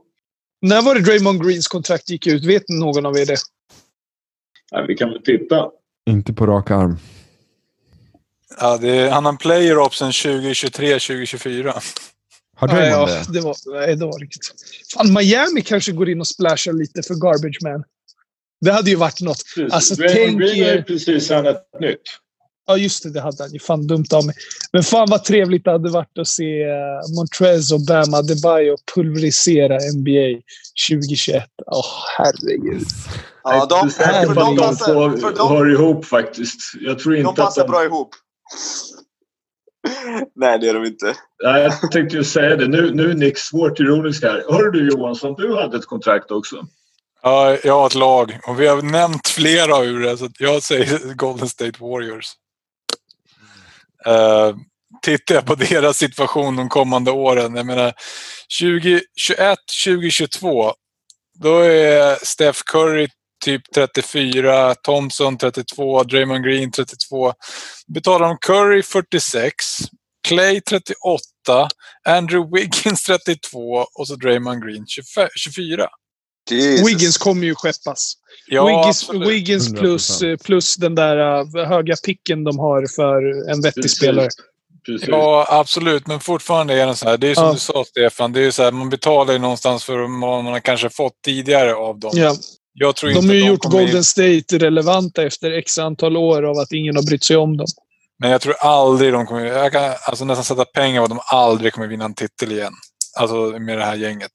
Och då betalar de jäkligt dyrt i många år framöver. Alltså Clay Thompson på 43 miljoner 2023-2024. Och om Draymond väljer att opta in då så är Draymond på nästan 28 då. Om han väljer att opta in. Och, och, Nej. å, andra sidan, å, andra sidan fick de, å andra sidan fick de Steph Curry för runt 10,5-11 i fyra års tid. Så Ja, jag sa inte vad som... Jag sa ju vad som är dåligt nu. Det, Ja, jag, jag vet, men jag, bara- jag bara tycker på något sätt så tycker jag att där, där, det här, här är jag beredd att köpa att Curry och Clay och Draymond, eller kanske framförallt Curry och Clay, får en payday. Currys kontrakt är ändå, trots att det är större, så tycker jag ändå att det kommer agea mer väl än Draymond till exempel. Det tror jag också. Jag tror, jag tror både Steph och Curry kommer att klara sig väl.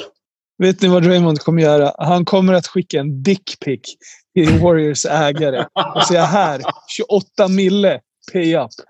Ja, exakt. Och till er som inte hajar referensen så skickade, eller så la Draymond Green alltså upp en bild på eh, ja, men, eh, sitt könsorgan på Snapchat en gång. Eh, därav eh, skämtet. Alltså 2021, 2022, 153 miljoner. På fyra spelare. på totalt liksom på laget. Och nu pratar vi om att det kanske är liksom en covid-ras. Mm. Ja, jag säger lycka till att få några duktiga. Som sagt, att de, får ihop, de behöver få några till runt de där spelarna för att kunna vinna och det kommer de inte med det där. Ja, det var ju, som sagt, dåliga kontrakt finns det gott om i NBA, men det finns också väldigt gott om pengar i NBA. Mm. Så som sagt, pengarna, pengarna ska spenderas och jag tycker att eh, på något sätt så gläder det mig att de går till spelare ändå. Och där var vi klara med kontrakten och nu är det då dags för lyssnarfrågor som vi har fått in då via Twitter. Vi har fått en, en som vi faktiskt måste säga att den låter på sätt och vis ganska bra men som vi har svårt att säga så mycket om. Och det är någon som då har kört en simulering av slutspelet. Startomatic simuleringen av slutspelet kanske. Den säger att LA Clippers vinner över Bucks i sjunde matchen trots att Kawhi Leonard bara gör 11 poäng i avgörande. Jag har svårt att se att de vinner sjunde om Kawhi bara gör 11 men annars låter det väl inte som sådär otroligt direkt att Clips skulle slå Bucks i sju i finalen. Det låter ju superrealistiskt. Men inte att Kawhi gör 11 och de fortfarande vinner, eller hur? Då skulle man ju sätta pengarna på Bucks. Ja, om man får veta sant. det. Ja, okej, nu är det dags för Game 7. Kawhi kommer att göra 11. Då satsar jag mina pengar på Bucks. Mm. Men-. Jag hoppar ur Clippers-båten faktiskt. Jag kör Bucks. Bucks in seven, så att nej. Janis! Ja. Fan vad weak du är, Addis. Men jag... Pansarkryssan! Pansarkryssan fortsätter gå. Jag kommer se fram emot semifinalen mot Toronto. men när, Vad men så här, på, tal om, på tal om Kawhi och 11 poäng. När fan gjorde han 11 poäng sist? I don't know. Men det var, det var inte det som var frågan egentligen. Nej, och det är nej. just därför Ja. jag säger jag har svårt att se Clips vinna om Kawhi bara gör 11 i, Game 7.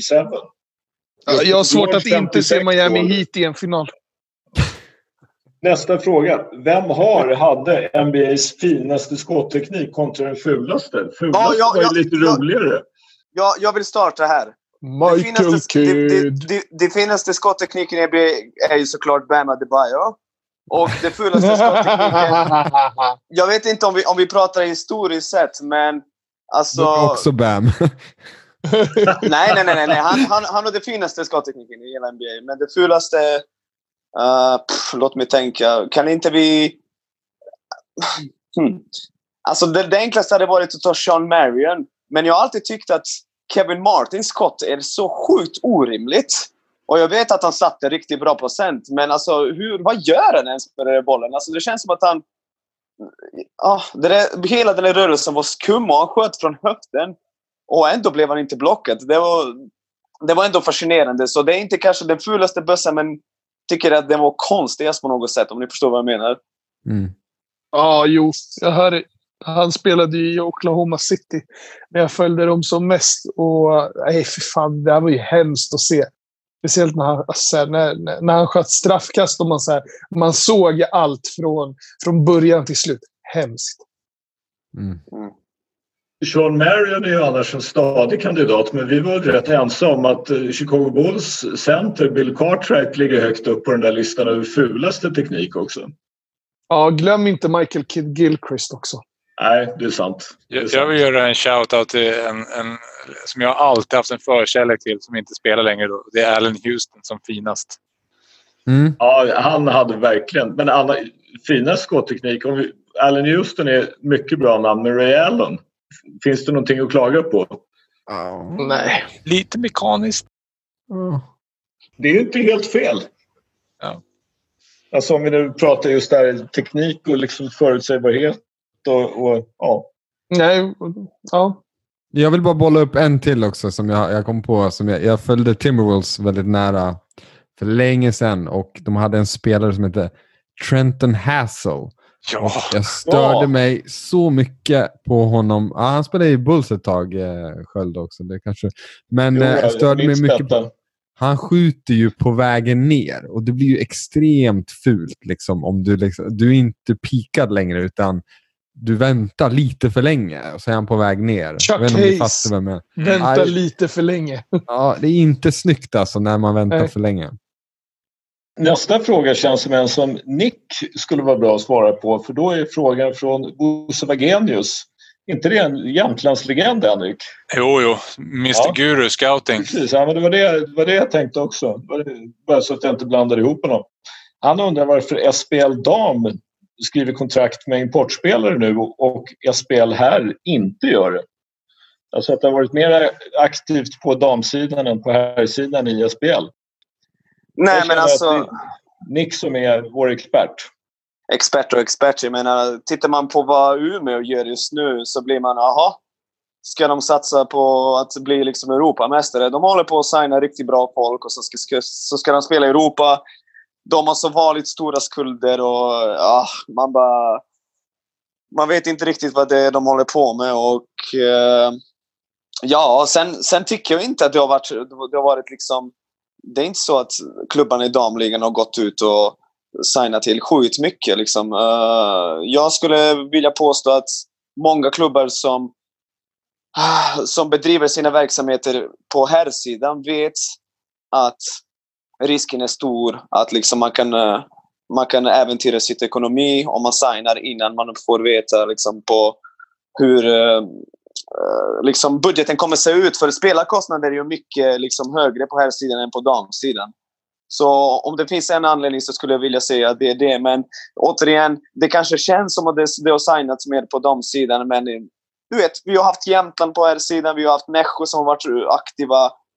Uh, kanske inte med importen, men de har signat folk och de har signat folk som är bra, som, kan, som håller i ligan. Och sen har vi även uh, Eh, sen har vi liksom oh, Luleå som har tagit hem Rönnqvist och det börjar rulla på. Så uh, jag tror inte att det finns någon jättestor skillnad där faktiskt.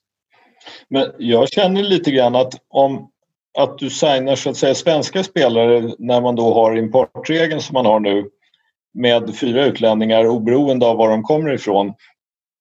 Så att mm, herrlagen herrlagen signar svenska spelare, det tycker jag det är på något sätt helt rimligt. Precis lika rimligt som det är att avvakta med utländska spelare innan man ett vet vad har vi för budget, kommer vi kunna spela inför publik, vad kommer vi ha för intäkter?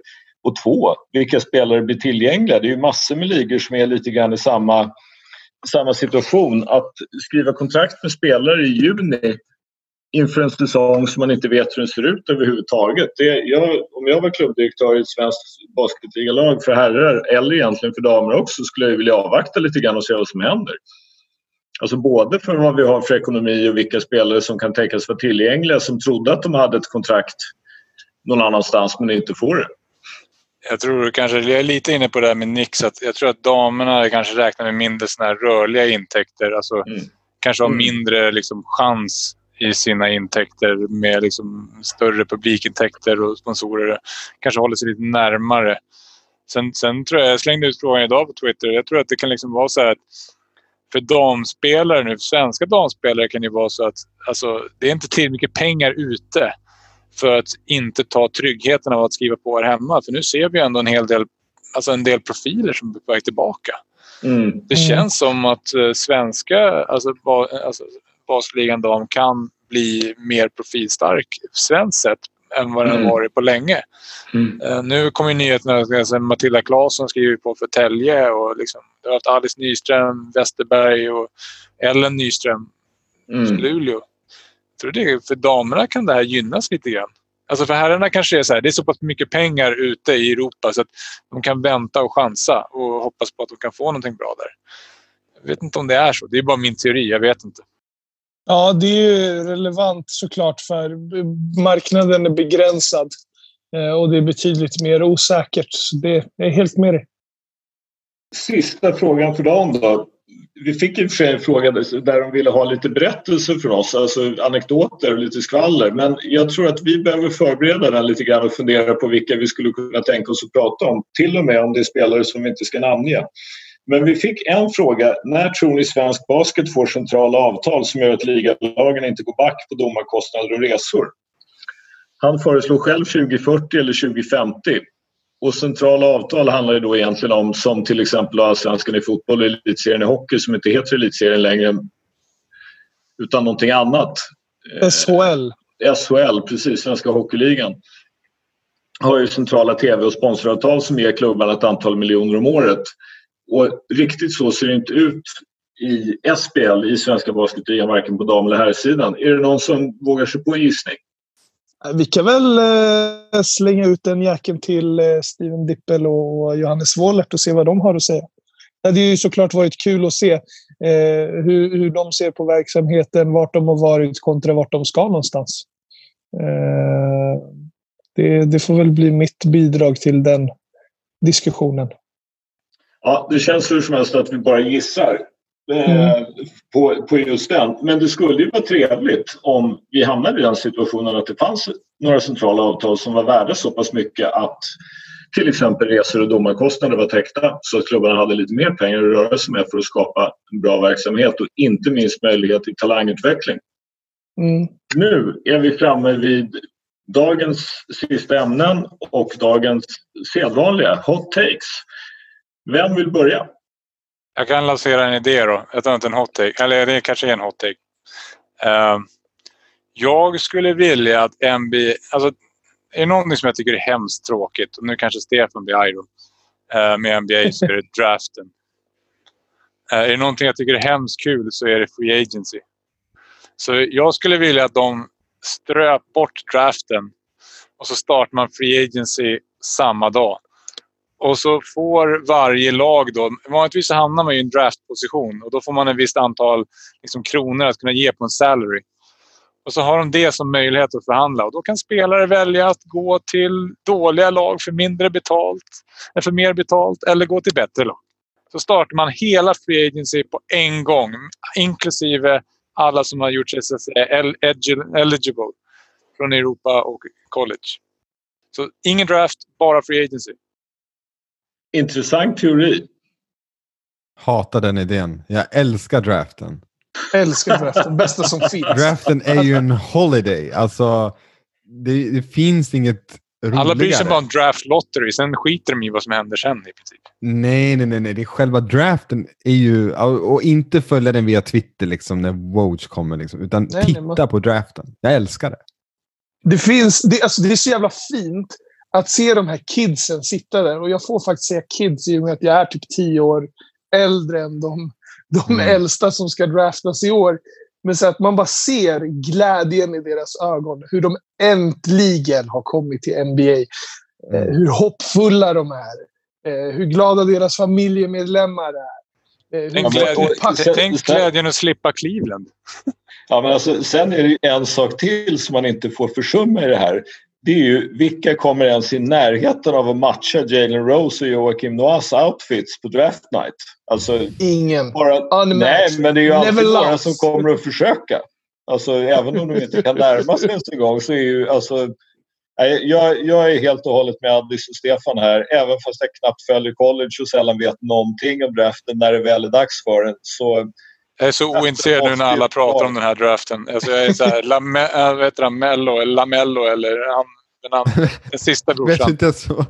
Den sista bollen. Ja, den sista bollen. Och sen är det bara så här, nej, nej, nej, han är överskattad. Ja, men vem är underskattad? Jag har ingen aning. Jag skiter i. Men Sköld, att du inte nämner LeBrons eh, trippel XL vita suit också, den tycker jag förtjänar en shout. Ja, det, det, det är i och för sig sant. Men jag tycker fortfarande att Jalens pinstripe och den ikoniska bilden på Joakim Noah när han står bredvid David Stern som vill är max 1,70 med klackar. Ja. Och han har liksom ett hår som inte är denna världen och så den underbara Chicago Bulls-kapsen på och bara flinar från öra till öra. Är det är underbart. Ja. Och gluggen. Mera draft night. Man Mera saknar draft night. ju David Sterns hets också mot publiken när han Ja. lägger liksom upp så här öronen och bara buar. Men det är lugnt liksom. Särskilt, särskilt. New York-publiken. Mm. Och när de alltid buar åt sina picks också, det är underbart. Precis. Kommer du ihåg när de draftade Porzingis eller? Who the fuck is this? Who the fuck is this Zingis Pingis? Ja.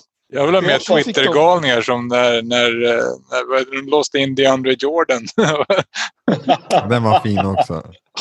Det, det där var ikonisk, ikonisk Ja, det var en stund på ikonisk Twitter. Twitter- Twitterkväll. Och Jordan vann den. Goat. Mm. Precis. Bilden från Blake Griffin när han satte stolen för dörren. Exakt. Ja. Underbart. Stefan, du kände som du var lite het där också. På din take. Eh, nej, alltså.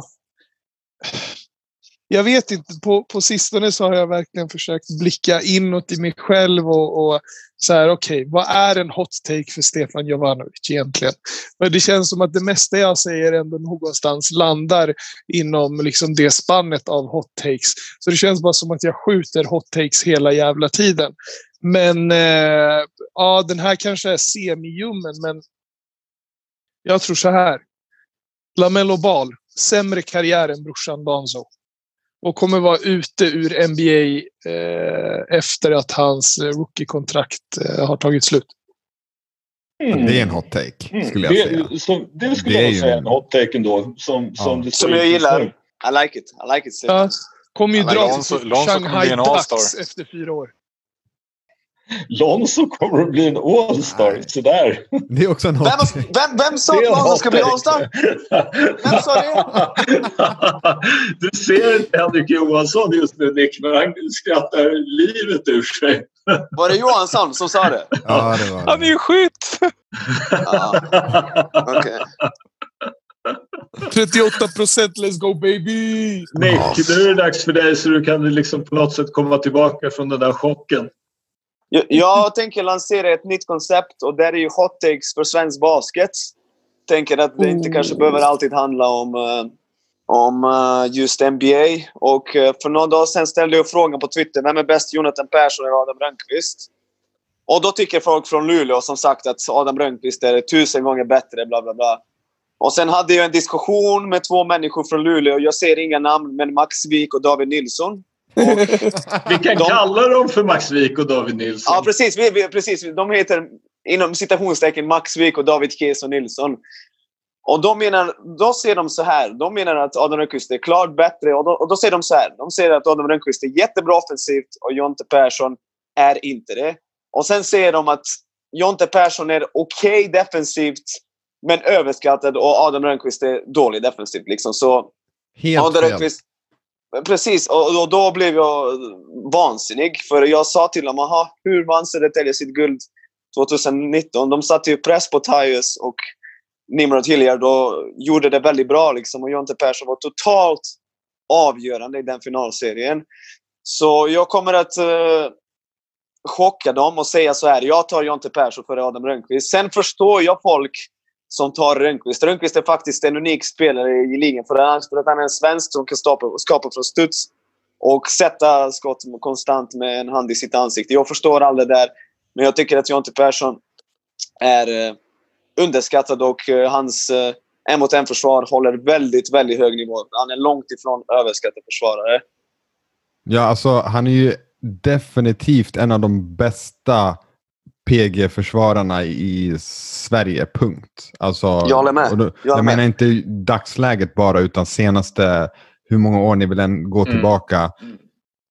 Eh, jag, jag tycker inte att det är close ens mellan dem, faktiskt. Så man kan ju egentligen bara ställa två frågor. Vem har haft en bättre internationell karriär och vem har gjort flest landskamper? Case closed. Ja, det är inte ens, alltså för mig är det inte ens en diskussion.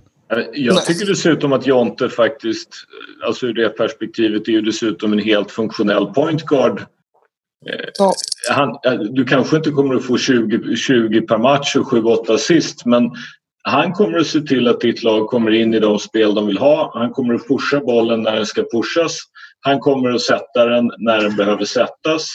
Och han bidrar med liksom en stabilitet. Han är smart och på något sätt förstår okej nu ska vi göra det här. Vem är het? Hur ska vi liksom underrated offensivt och ytterligt, han är mer än stabil defensivt. Han är direkt bra defensivt. Ja, han är elit i svenska Ja. mått. Alltså, jag håller med. ja. Jag håller med. Ja. Och, eh, men det där kommer ju...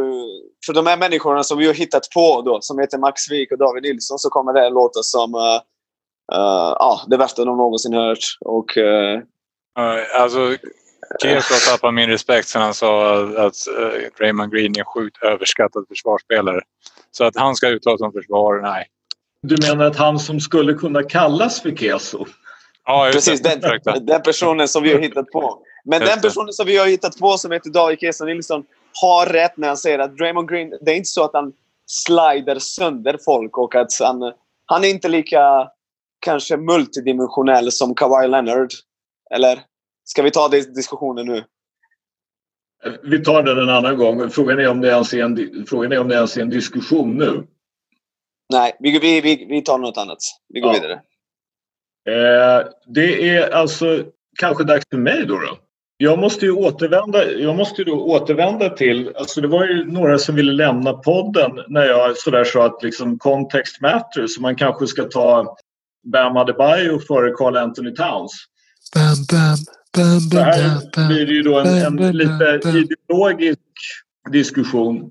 Då är det så här. Carl Anthony Towns har gjort fem säsonger i NBA inklusive den här. Han har spelat 363 matcher. Han har torskat 200. Han har vunnit en slutspelsmatch av fem. Ja, fan. Han är, Älskar helt, den här låten. han, han är helt fantastisk offensivt.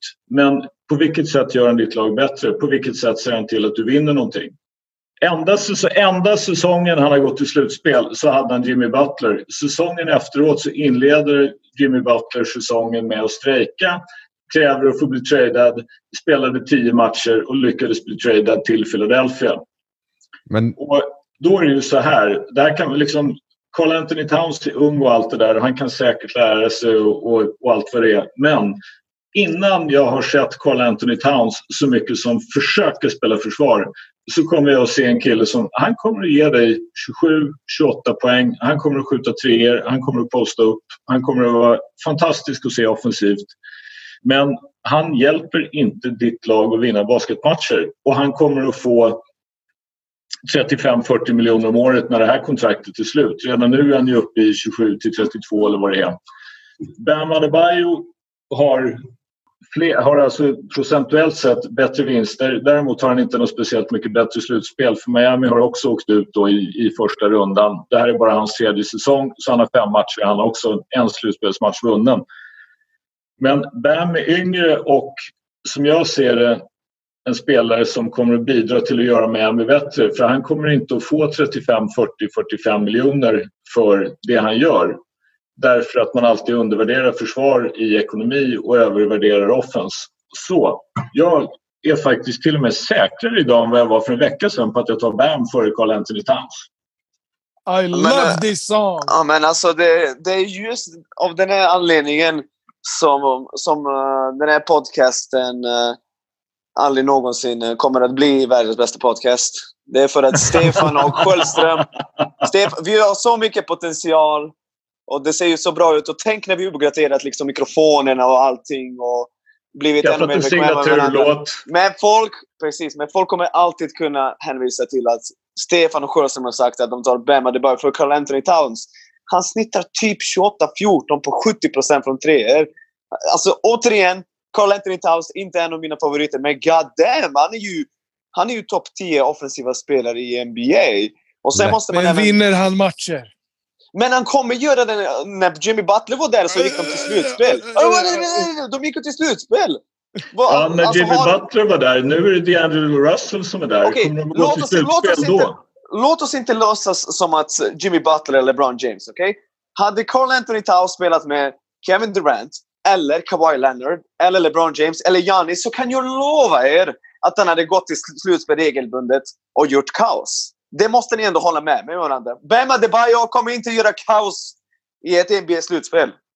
Men det kommer inte Carl Anthony Towns heller att göra för spelaren med, Carl, spelaren med Kevin Durant eller LeBron James kommer han inte att få bollen tillräckligt mycket för att göra 28 poäng och ta 14 returer. Det är det jag men han- menar. men- Carl men- Anthony Towns Ja. är betald för att vara nummer ett option och det kan han vara offensivt men han kommer att döda dig med sitt bristande försvar. Bam Adebayo kommer inte vara varken nummer ett eller kanske ens nummer två offens. Men han kommer att hjälpa dig i ditt offens och han kommer att vara helt överlägsen i försvar. Han kommer att vara typ han kommer att göra 21-22 poäng per match. Han kommer att ta 12-13 returer. Han kommer att ha 5-6 assist och helt ovärderlig i försvar som lim. Ja, vet jag vet tror vad att- Bam Adebayo hade, hade fått eh, eh, om han hade spelat med någon av de spelarna du precis nämnde? Precis. Han passar mycket bättre med dem än Towns. Vet, vet, vet du vad han hade fått? Ringar, baby. Ringar. På varenda litet finger. Han hade haft ringar överallt. Ringar, ringar, ringar. Alltså det, det är skrämmande. Det är skrämmande kärleken. Ja, Jag vet att jo, Johansson och Adis eh, inte håller med. Så jag Jag orkar inte ens säga Ja. någonting. Alltså, ja, ja, ärligt. det, det känns Alltså, bra jag, säger, vi... jag säger inte emot att Carl Anthony Towns är en helt fantastisk offensiv spelare. Men fortfarande, han har ett slutspel och det var när Jimmy Butler tog dem dit. Det är den enda vinnande säsongen han har. Ja, precis. Men han hade haft ett till. Han får ett till nu. Det får inte Carl Anthony Towns. På fem år! going. På fem år! Fem långa år. Det känns som vi behöver också föra in här att, alltså bara påminna er om att innan Carl Anthony Towns, Timberwolves har nått slutspelet endast med Kevin Garnett. Punkt. Sju gånger i Någonsin. historien. Alltså, det här är inte ett lag, han har liksom inte kommit till en organisation där, där de brukar liksom harva i playoffs. Det har de aldrig gjort utan KG. Förrän Cat. Ba- Bara Men det. man kan ju vända på det och säga att ingen förväntade ju sig kanske nödvändigtvis att Bam Adebayo skulle ha den här utvecklingskurvan kurvan och bli en All-star. Alltså, jag Förutom vill, jag såklart. jag, vill åter, jag vill återvända till Carl Anthony Towns. Men om, alltså om vi tittar nu då återigen då på det här med bra kontrakt och dåliga kontrakt. Vad betalar Minnesota Carl Anthony Towns för att göra? Han är deras number one. Ska inte han ta dem till slutspel? Det var vad de betalade Kevin Garnett för att göra. Han tog dem till slutspel. Vad kommer Bam få nästa då? Vad han får för kontrakt? Ja, tror du inte han kommer få ett liksom... Han kommer inte Max få... ish. Nej, jag tror inte att han kommer att få ett max. Äh, Han kommer kanske få ett max-ish, men han kommer inte att få ett max. Ja, det skulle jag nästan tro Så- att han får. Ja, precis. Om han ska vara då bättre än Carl Anthony Towns, då borde han vara värd ett max. Får, ja, men får han ett, det är återigen, vi betalar allt, eller NBA, inte vi. Det är inte jag som betalar 40 miljoner. I wish I did, men det gör jag inte. Mhm. Du, över, du överbetalar för offense och du underbetalar för försvar. Och så. Adebayos absolut främsta är försvar. Men han kompletterar det med ett ytterst dugligt anfall. Han har ju nytta i anfall mera än att bara ha bollen. Vad gör Carl Anthony Towns för nytta för Timberwolves när han inte har bollen? Eh, skapar ett hot, skjuter 40 på tre så att folk inte kan hjälpa från honom. Han tar ju massa offensiva returer så att de kan få nya possessions. Alltså... åh. Alltså jag förstår att man underbetalar för försvar, men då brukar man prata om kanske fjärde eller femte killen i en lineup. Man underbetalar inte en all-star oftast. Ja, vi, får, väl- vi, vi får väl som sagt se. Vi får väl se om, om det är Bam Adebayo som är underskattad eller om det är eh, Pat Riley som är överskattad. Det är han definitivt. Alltså vi borde, vi borde bara... Sen för övrigt, det här massa offensiva returer. Att ha 2,7 offensiva returer i år, det är inte så här fruktansvärt mycket för en sjufotare. Vem tar, vem tar, vem tar 2,7?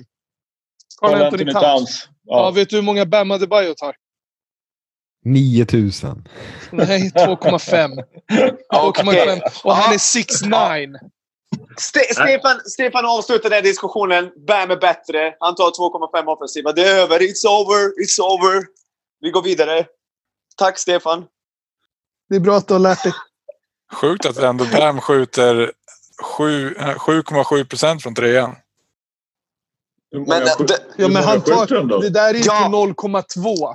per Ja, men hallå Henrik. 7,7 är bara 33 procent sämre än 40 procent. Så du måste ändå se det Ja, ja. positiva. Det är ändå ganska 30, bra. 31 procent sämre än Lonzo Ball.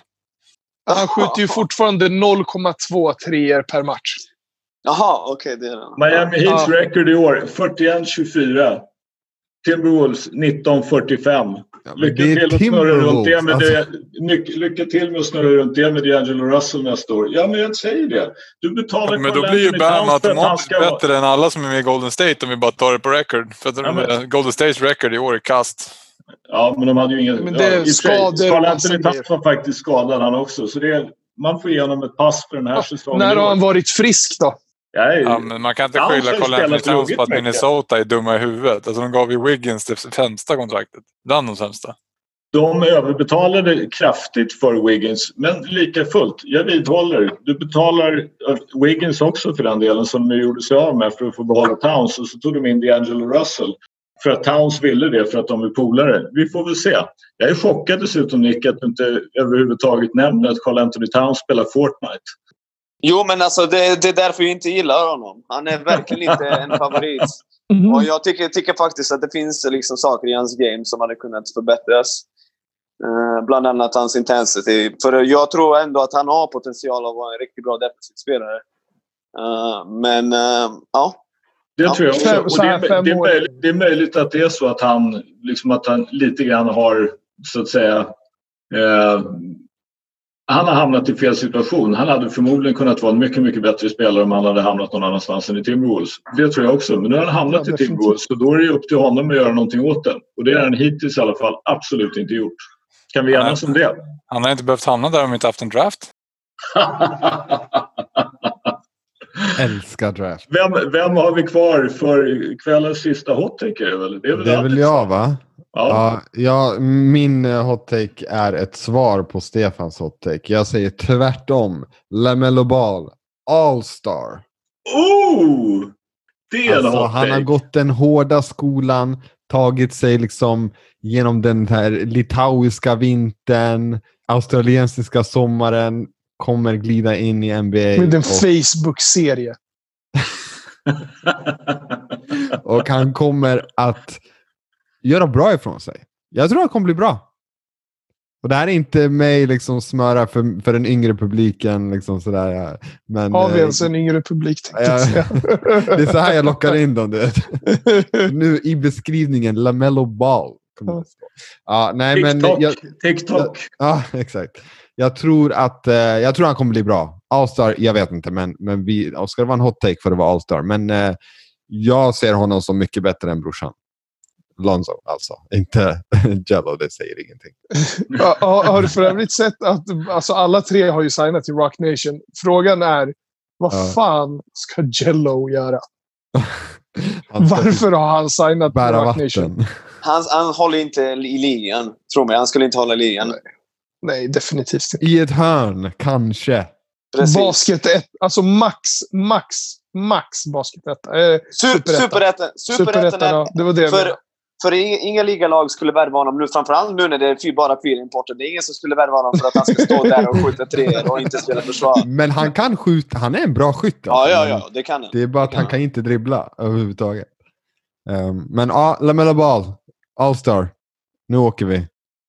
Ja, det var, jag, alltså, jag är ändå lite intresserad av... För jag, jag, jag kommer inte ihåg hur gammal han var när jag såg honom första gången när han sådär skjuter 33 på en match och 18 av dem är från en distans som inte ens Curry skulle överväga att skjuta och varenda en av dem är inte i närheten av att gå i. Och så plötsligt så är han på väg att bli number one in the draft. Oavsett om Nick Hot take för några veckor sedan att han inte skulle gå förrän som sju eller åtta eller vad det nu var. Men ja, ska vi, jag, är, jag, är, jag, är faktiskt, jag är här för att se hur det går för LaMelo Ball. Helt klart. Hoppas han hamnar i New York så att han får tugga asfalt och bara höra hur mycket folk hatar honom. Han kommer Ja, jag, måste, jag måste säga att jag, tycker, jag, skulle, jag skulle inte vilja ha LeVar Ball som pappa. Säga vad man vill. Vi, vi, måste, vi måste ta något avsnitt snart hur dålig effekt hela den här balgrejen har haft på basketen. Och jag vill inte ens tänka mig hur många sådana här föräldrar som nu har klivit fram och börjat skälla på, co- på coacher och sådär. Fy fan, alltså det, hela, hela den där bal... Inte det hela AAU-skiten? Ja, Alltså, det är hemskt. hemskt. Det, det, är, det är lite det som är grejen. Jag har inget emot Lonzo Ball eller Lamello Ball. Det är egentligen Lamar Ball. Men jag tycker det är så viktigt att de inte lyckas på, liksom, och, och blir superstjärnor. Just för att jag tror att då kommer många farsor att tro okej, men det är så här jag måste göra. Jag måste liksom skälla ut coacher och säga att de ska ta varenda skott för att mina barn liksom ska utvecklas. Jag måste säga att LeAngelo Ball kommer att vinna NBAs skytteliga. Liangelo, Lamello menar du väl kanske? Nej, LeVar har sagt att LeAngelo kommer att vinna. Ge honom två år skulle han vara bättre. Jag skämtar inte. Nej. Och det gjorde, det gjorde ju förmodligen däremot LeVar Ball. Men, men ja, han Han gjorde det på first take här för mig. Där. Ja, precis. precis. Eller, eller om det var Ja, jag. Skip Bayless. Någondera. Någon av Vi de ska vara där. tydliga. Jag sa inte att LaVar Ball skulle vara en All-star. Alltså, utan vi pratar om LaMelo Ball. Bara så ni vet. Det är LaMelo Ja, som jag- kommer att bli det. Jag känner, jag känner att det känns ju hårda bud att avsluta med att prata LeVar Ball. Men, men det kanske är rätt läge då för oss att ball out helt enkelt och bara säga tack för avsnitt 9. Ha det bra, vi hörs. Tack. Hej då! Ciao! Ciao.